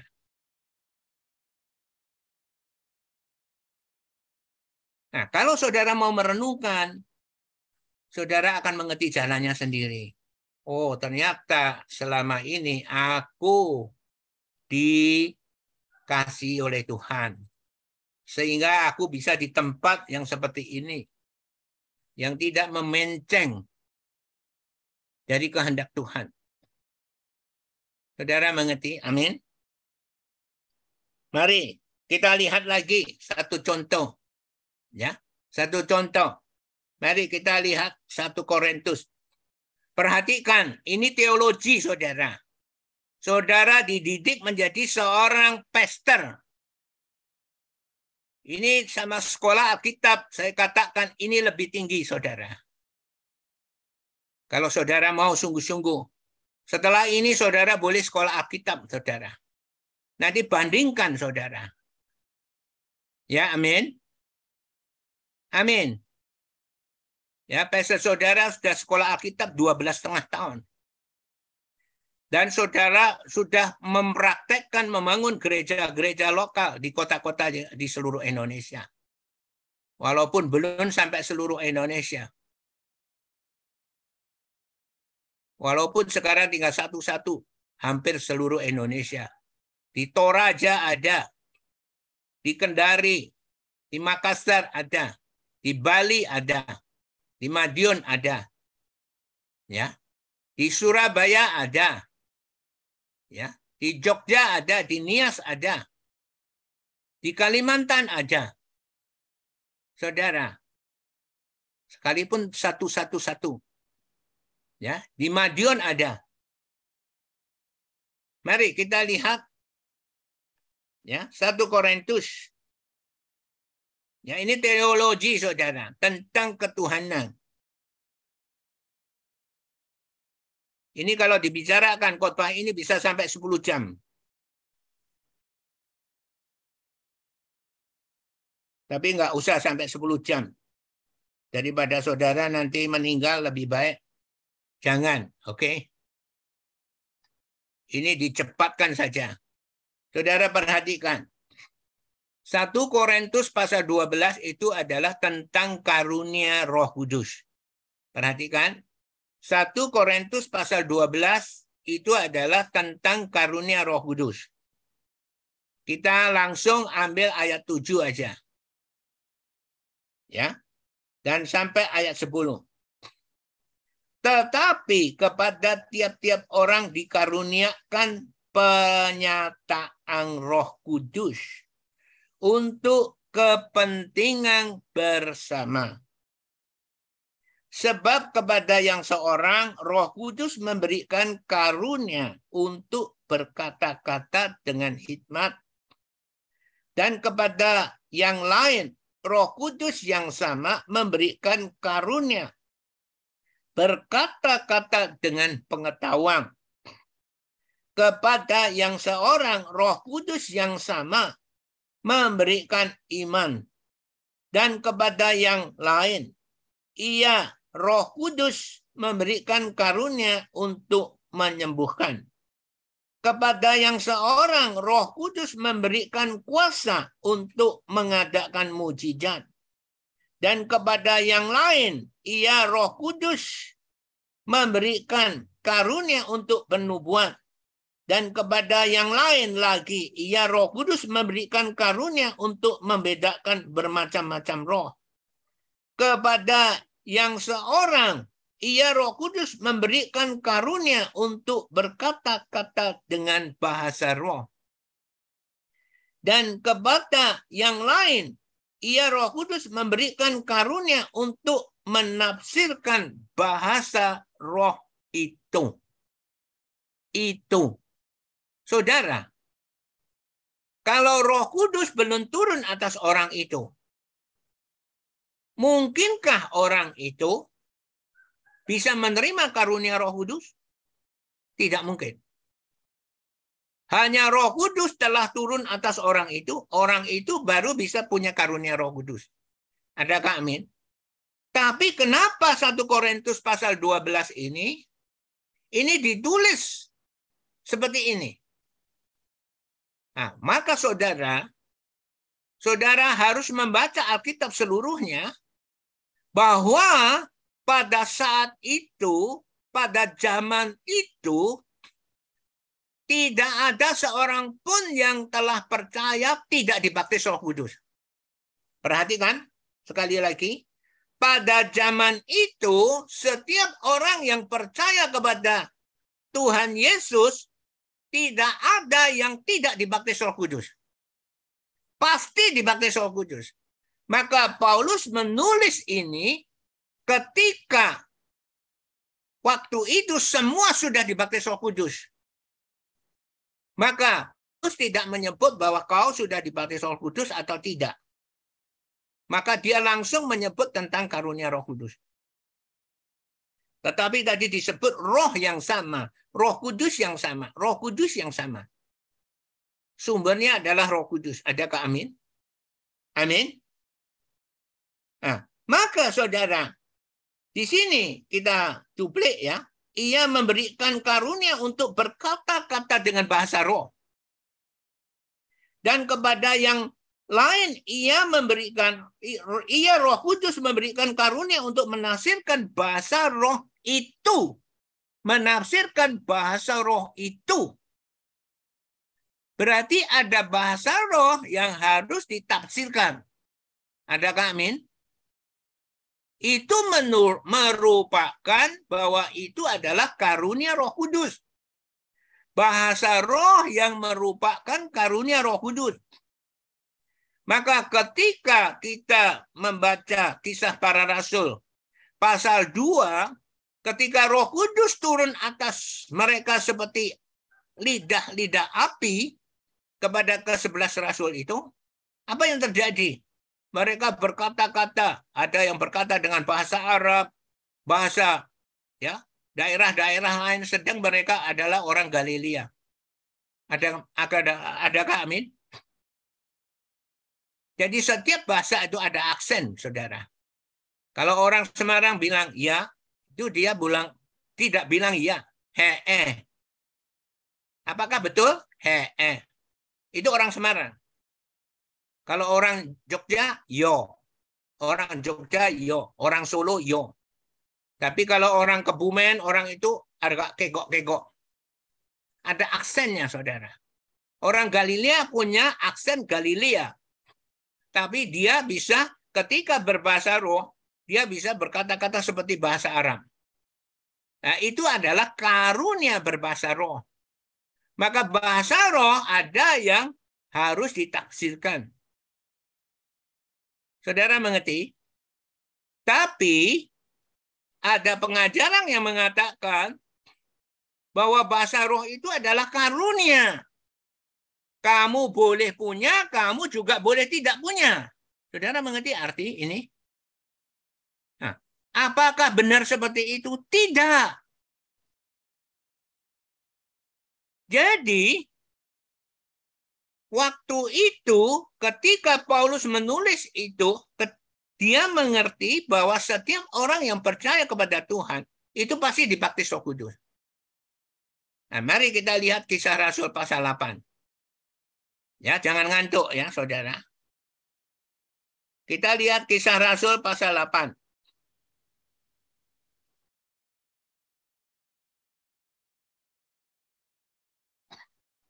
Ayat 14. Perhatikan. Kisah Rasul itu adalah gereja mula-mula.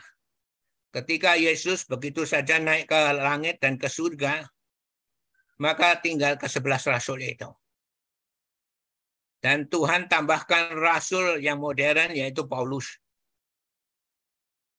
Untuk bisa menangkap pewahyuan-pewahyuan dari Tuhan. Dan mereka tidak ditinggalkan sebagai yatim piatu. Tapi mereka diberi ya hadiah yang kedua yang terbesar dari Bapak Surgawi. Yang pertama adalah Yesus diberikan kepada kita itu adalah hadiah pertama. Itu hadiah pertama yang paling besar yang diberikan kepada kita.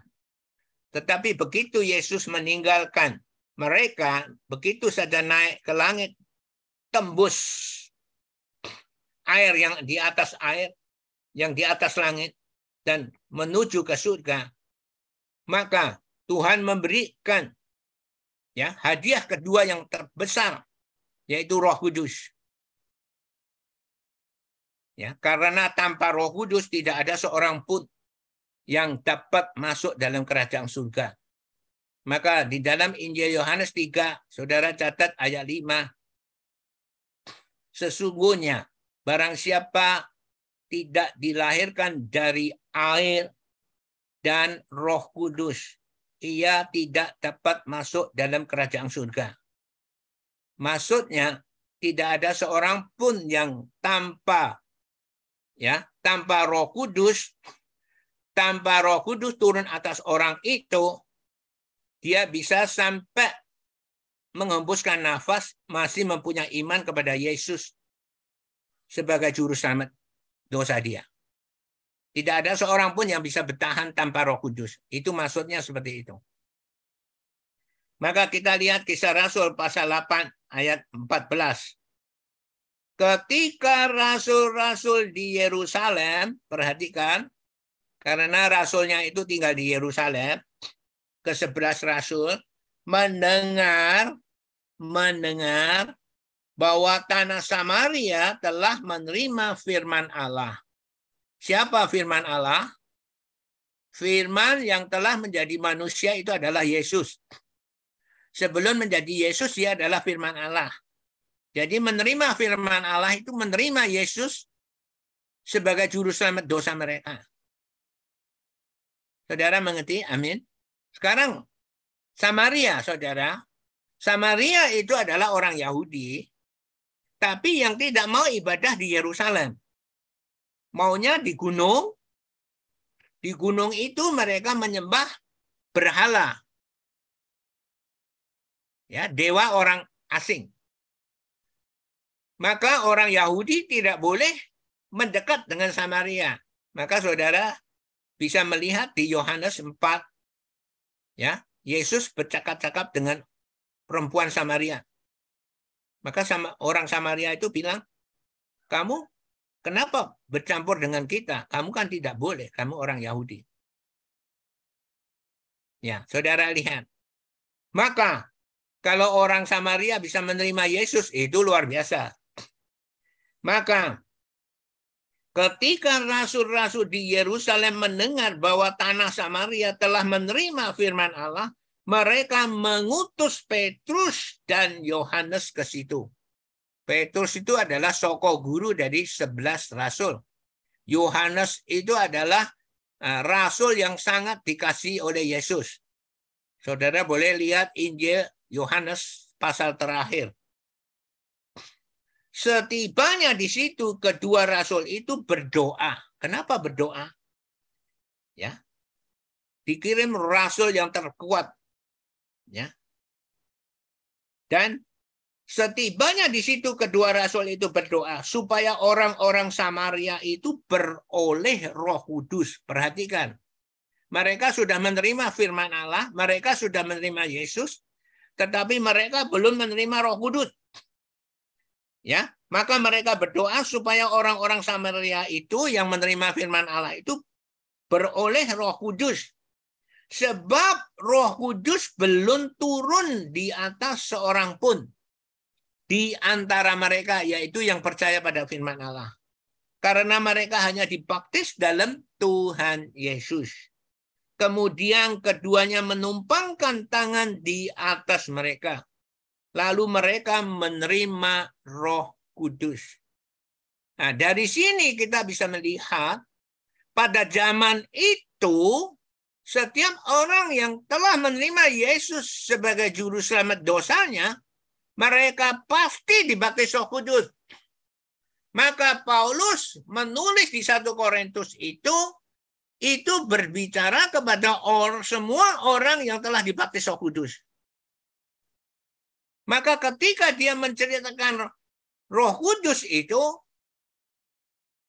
menceritakan karunia Roh Kudus itu itu adalah menceritakan mereka semuanya sebelumnya sudah menerima Roh Kudus. Saudara mengerti? Maka dibanding di dalam kisah Rasul 19 ayat 1 sampai 6, Paulus bertanya kepada 12 murid orang murid Efesus, apakah kamu telah menerima Roh Kudus ketika kamu menjadi percaya? Jawab mereka belum, bahkan belum pernah mendengar tentang Roh Kudus. Maka Paulus memberitahu mereka, mereka harus percaya kepada bahwa Paulus tanya, kalau gitu dengan baptisan apa kamu dibaptis? Dengan baptisan Yohanes. Paulus menjelaskan baptisan Yohanes adalah baptisan kepada orang yang telah bertobat. Mereka perlu dibaptis. Tetapi kamu harus percaya kepada dia, yaitu Yesus, yang datang kemudian dari Yohanes Pembaptis maka dia akan membaptis kamu ya dengan baptisan Roh Kudus. Dan mereka men, me, memberi diri dibaptis dan ketika Paulus menumpang tangan atas mereka mulailah ya Roh Kudus turun atas mereka dan mulailah mereka berkata-kata dengan bahasa roh. Maka bahasa roh itu ada dua macam. Yang satu bahasa roh Ya, di dalam kisah Rasul 19 ayat 1 sampai 6 itu menandakan bahwa orang itu telah menerima Roh Kudus. Dan 1 Korintus 12 ayat 10 itu itu menunjukkan itu adalah karunia berbahasa roh. Harus ada yang menafsirkan. Maka ya ada yang ber, karunia berkata-kata dengan bahasa roh, ada yang karunia untuk menafsirkan bahasa roh itu. Saudara sekarang sudah mengerti? Amin. Maka kalau khotbahnya tidak secara ekspositori, bagaimana kita mengerti hal-hal yang seperti itu? Tidak mengerti. Maka saudara, jika itu dikotbahkan bahwa bahasa roh itu sebagai karunia, berbahasa roh, salah nggak? Tidak, Alkitab mengatakan seperti itu. Tetapi khotbah ekspositori itu harus menceritakan background. Background tahu saudara? Latar belakang. Kenapa ya perikop itu ditulis dan dalam keadaan seperti apa pada waktu itu? Yaitu dalam keadaan setiap orang percaya pasti dibaptis Roh Kudus pada waktu itu. Bukan seperti sekarang ini. Ya, sekarang ini adalah simpang siur. Ada yang percaya dibaptis Roh Kudus, ada yang tidak percaya. Ada yang mengatakan bahwa baptisan Roh Kudus itu sudah tidak zamannya, itu di zaman 2000 tahun pada kisah para rasul. Tapi mereka tidak bisa menjawab Lukas 11 ayat 13. Lukas 11 ayat 13 ini Tuhan Yesus sendiri yang mengatakan. Jika kamu yang jahat saja tahu yang mem, tahu memberi yang baik kepada anak-anakmu, apalagi Bapakmu yang di surga. Ia akan memberikan roh kudus kepada mereka yang meminta kepadanya. Dia akan memberikan roh kudus, yaitu yang terbaik kepada mereka yang meminta kepadanya. Tidak ada zaman, tidak ada batas waktu. Yang ada mau minta atau tidak minta. Minta diberi, tidak minta tidak diberi. Saudara, pentingkah khotbah ekspositori itu? Maka saudara, ini adalah penting. Karena firman Tuhan di Matius 4 ayat 4 mengatakan, orang hidup bukan dari roti saja, tetapi dari setiap firman yang keluar dari mulut Allah. Saudara, ini adalah penting. Orang hidup, yaitu orang yang mau naik ke surga, orang yang mau hidup kekal, itu tidak bisa dengan roti saja. Roti saja itu hanya hidup di dunia ini. Setelah mati masuk 2 meter kali 1 meter. Tetapi orang hidup yang kekal itu butuh firman Tuhan. Tidak hidup dari roti saja, tetapi dari setiap firman yang keluar dari mulut Allah.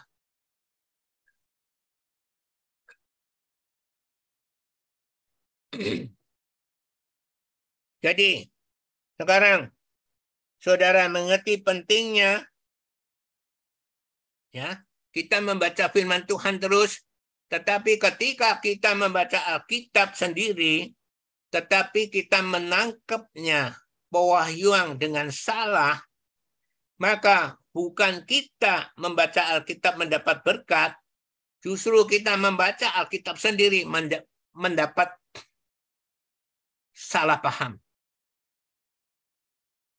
Akhirnya berdebat dengan pastornya. Kenapa gini, kenapa gini. Ya, saudara mengerti. Maka jika saudara rendah hati, mau mendengarkan khotbah ekspositori itu kembali, dan me meneliti benar enggak bahwa yuang itu, maka saudara akan diajar mempunyai basic, mempunyai dasar untuk belajar membaca Alkitab sendiri. Maka sebelum saudara saudara membaca Alkitab sendiri, maka saudara boleh mendengarkan khotbah ekspositori kembali. Maka jika saudara mau mendengarkan kitab kejadian, sebenarnya saudara sedang membaca kitab kejadian dari pasal 1 sampai pasal 50. Adakah amin? Bahkan dibacakan kepada saudara. Jadi saudara, sekarang saudara sudah mengerti. Ya, amin. Maka firman Tuhan itu adalah penting sekali. Maka saudara akan mengerti seperti apa yang dinamakan mengasihi Yesus. Yaitu saudara akan mengerti karena saudara membaca firman Tuhan, maka Yohanes 14 ayat 21 mengatakan, ya, barang siapa memegang perintahku, lakukannya, dialah yang mengasihi aku. Memegang perintahku dan melakukannya. Dialah yang mengasihi aku. Barang siapa mengasihi aku, ia akan dikasihi oleh Bapakku. Dan aku pun akan mengasihi dia dan akan menyatakan diriku kepadanya. Jadi saudara periksa ya. Periksa apakah itu penting? Apakah nasihat pastor itu penting? Apakah khotbah yang dengan jerih payah disampaikan kepada saudara yaitu khotbah ekspositori yang benar itu penting? Ya saudara, kalau saudara mau mendapat berkat, kalau saudara mau menghormati yang di atas saudara, saudara akan selalu mendapat berkat. Ya, saudara. Saudara, ini adalah penting. Kadang saudara merasa aku tidak ikut sum khotbah, toh akhirnya juga nggak apa-apa. Aku kena aku kena virus corona, ya memang sakit, tapi aku juga tidak mati. Jadi saudara merasa bahwa itu semua karena saudara. Saudara salah. Karena saudara di dalam doa pester dan nama saudara begitu saudara bangun begitu pester bangun tidur Pastor mendoakan saudara. Satu persatu nama saudara disebut saudara. Amin. Dan jika saudara agak sedikit nakal, Pastor sebut suruh Tuhan menegur saudara. Jadi saudara di dalam kebodohan saudara sudah suruh hati-hati, saudara tidak hati-hati, akhirnya saudara kena, itu tetap ada perlindungan Tuhan. Karena saudara di dalam payung rohani. Ya. Seorang pemimpin yang melindungi saudara. Apakah pemimpin itu penting? Mari saudara lihat Mazmur. Ya, 133. Catat saudara semua. Catat semua, jangan sampai lupa. Mazmur 133 ayat 2. Perhatikan. Seperti minyak yang baik di atas kepala. Perhatikan. Di atas kepala meleleh ke janggut. Saudara tahu kepala sama janggut mana yang lebih tinggi? Kepala kan?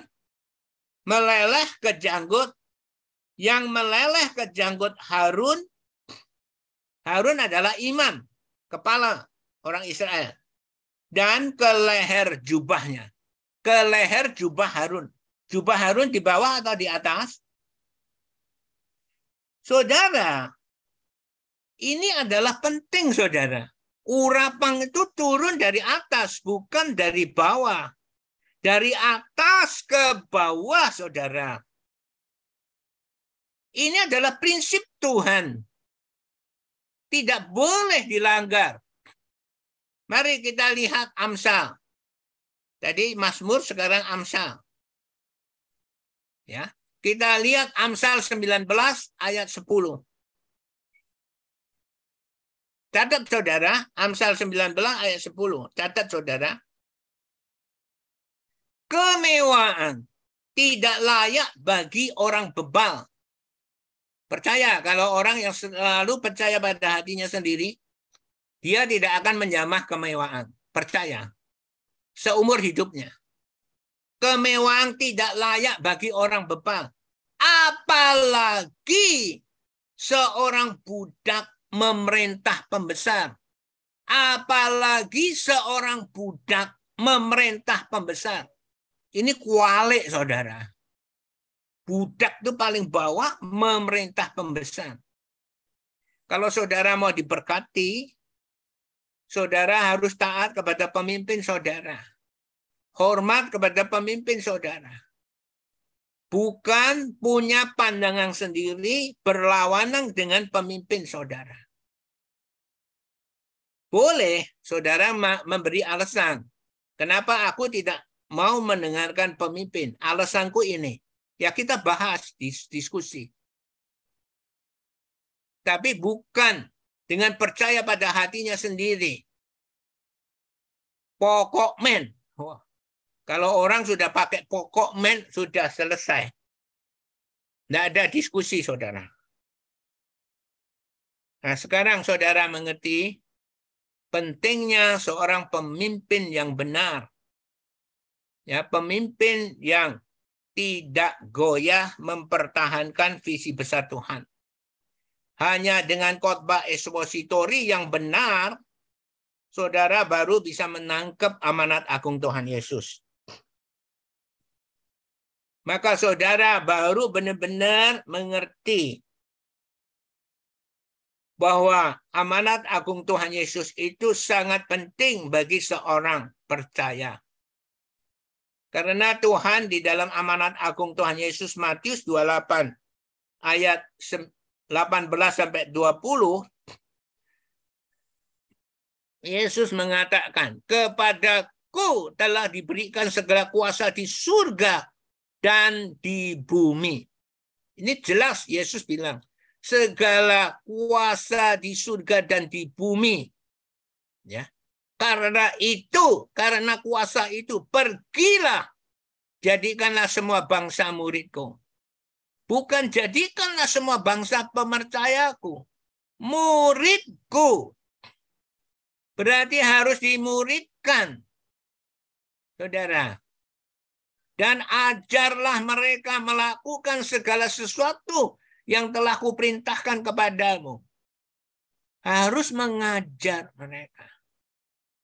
Nah, saudara diajar dari ya pelajaran paling dasar 18 pelajaran. Terus dikotbahkan dengan secara ekspositori yang benar. Saudara diberi bekal untuk bisa membaca Alkitab sendiri. Tapi saudara harus ingat, urapang itu dari atas. Maka saudara, ini adalah penting. Ya, visi besar ini dipegang oleh pastor saudara. Sampai menghembuskan nafas terakhir, tetap. Sekalipun di Singapura hanya satu orang yang mau dengar ya seorang bos dan pastor harus khotbah dengan bahasa Mandarin. Dia Mandarin tidak terlalu pandai. Dia pandainya pakai bahasa Inggris. Pastor bahasa Inggris tidak bisa, hanya pakai bahasa Mandarin. Maka ketika menyampaikan khotbah itu juga sangat sulit sekali. Kadang dia juga tidak paham tentang bahasa Mandarinnya. Saudara, tapi satu orang pun bisa bertahan. Dia ketawa. Selagi kau masih mau belajar 20 tahun lagi, ya saya siap mengajar kau 20 tahun. Sekalipun cuma satu orang. Tapi pastor harus khotbah dengan ekspositori yang benar.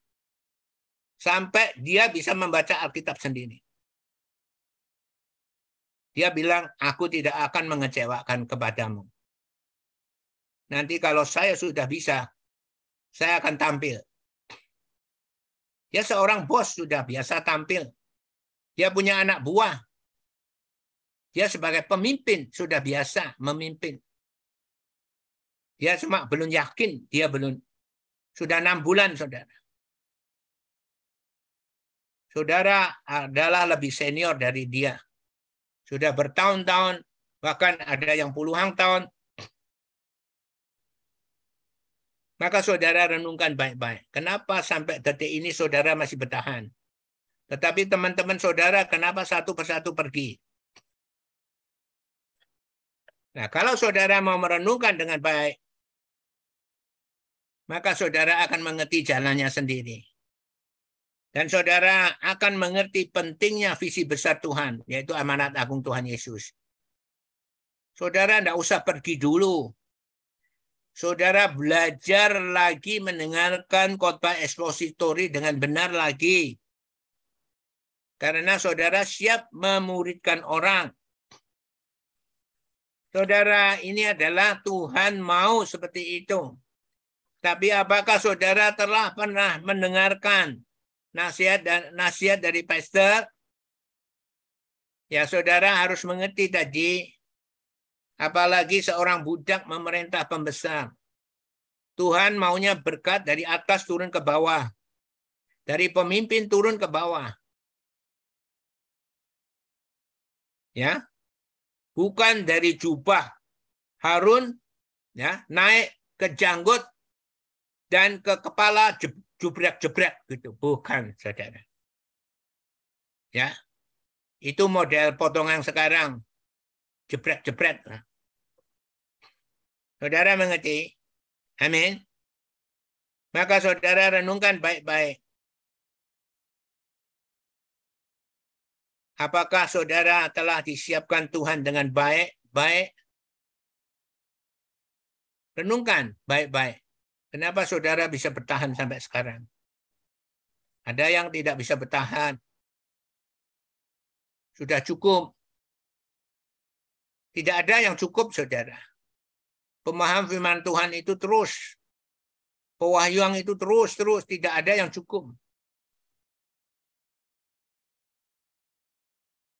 Nah, kalau saudara mau merenungkan dengan baik-baik, maka saudara akan mengerti jalannya sendiri. Nah, tergantung saudara, bagaimana respon saudara. Setelah mengerti bagaimana respon saudara. Atau tetap mau nuruti hati nurani sendiri, pokok men. Pokok men gereja-gereja di luar itu tidak seperti yang pastor pimpin. Pokok men Dah. Pokoknya dia gereja-gereja lain juga nak mati ya dinyanyikan. Bertemu lagi sampai ke surga. Itu respon tergantung saudara. Tetap percaya pada hatinya nurani kita sendiri atau mau berterima kasih kepada Tuhan bahwa saudara dipelihara Tuhan sampai detik ini. Itu tergantung saudara. Mari kita tutup khotbah hari ini. Ya Tuhan Roh Kudus yang mulia yang sangat mengasihi kami. Sungguh mengucap syukur dan berterima kasih atas kekuatan dan waktu yang telah kau berikan pada kami untuk mendengarkan kebenaran firman-Mu yang sangat penting ini. Bahwa kau memberi pewahyuan kepada kita Percaya kepada visi besar Tuhan dan jangan goyah sekalipun dalam keadaan kesengsaraan. Sehingga satu bangsa pilihan Tuhan dapat diselamatkan. Ya Tuhan, inilah anak-anakmu. Kau yang memulai Tuhan. Kau yang akan menyelesaikan. Tuhan curahkan belas kasihan kepada anak-anakmu. Biar anak-anakmu dapat benar-benar mengerti dan sadar dan bangkit dari tidur nyenyak mereka. Dan benar-benar mereka dapat dipakai olehmu untuk menyelamatkan umat manusia di dunia ini. Baik di Indonesia maupun sampai ke ujung-ujung bumi. Dengan iman kami percaya, kau dengarkan doa-doa kami. Dan kau kabulkan doa-doa kami. Di dalam nama Tuhan Yesus. Haleluya. Amin. Beri kemuliaan bagi Tuhan. Haleluya. Ya, Pak Jack ada pertanyaan?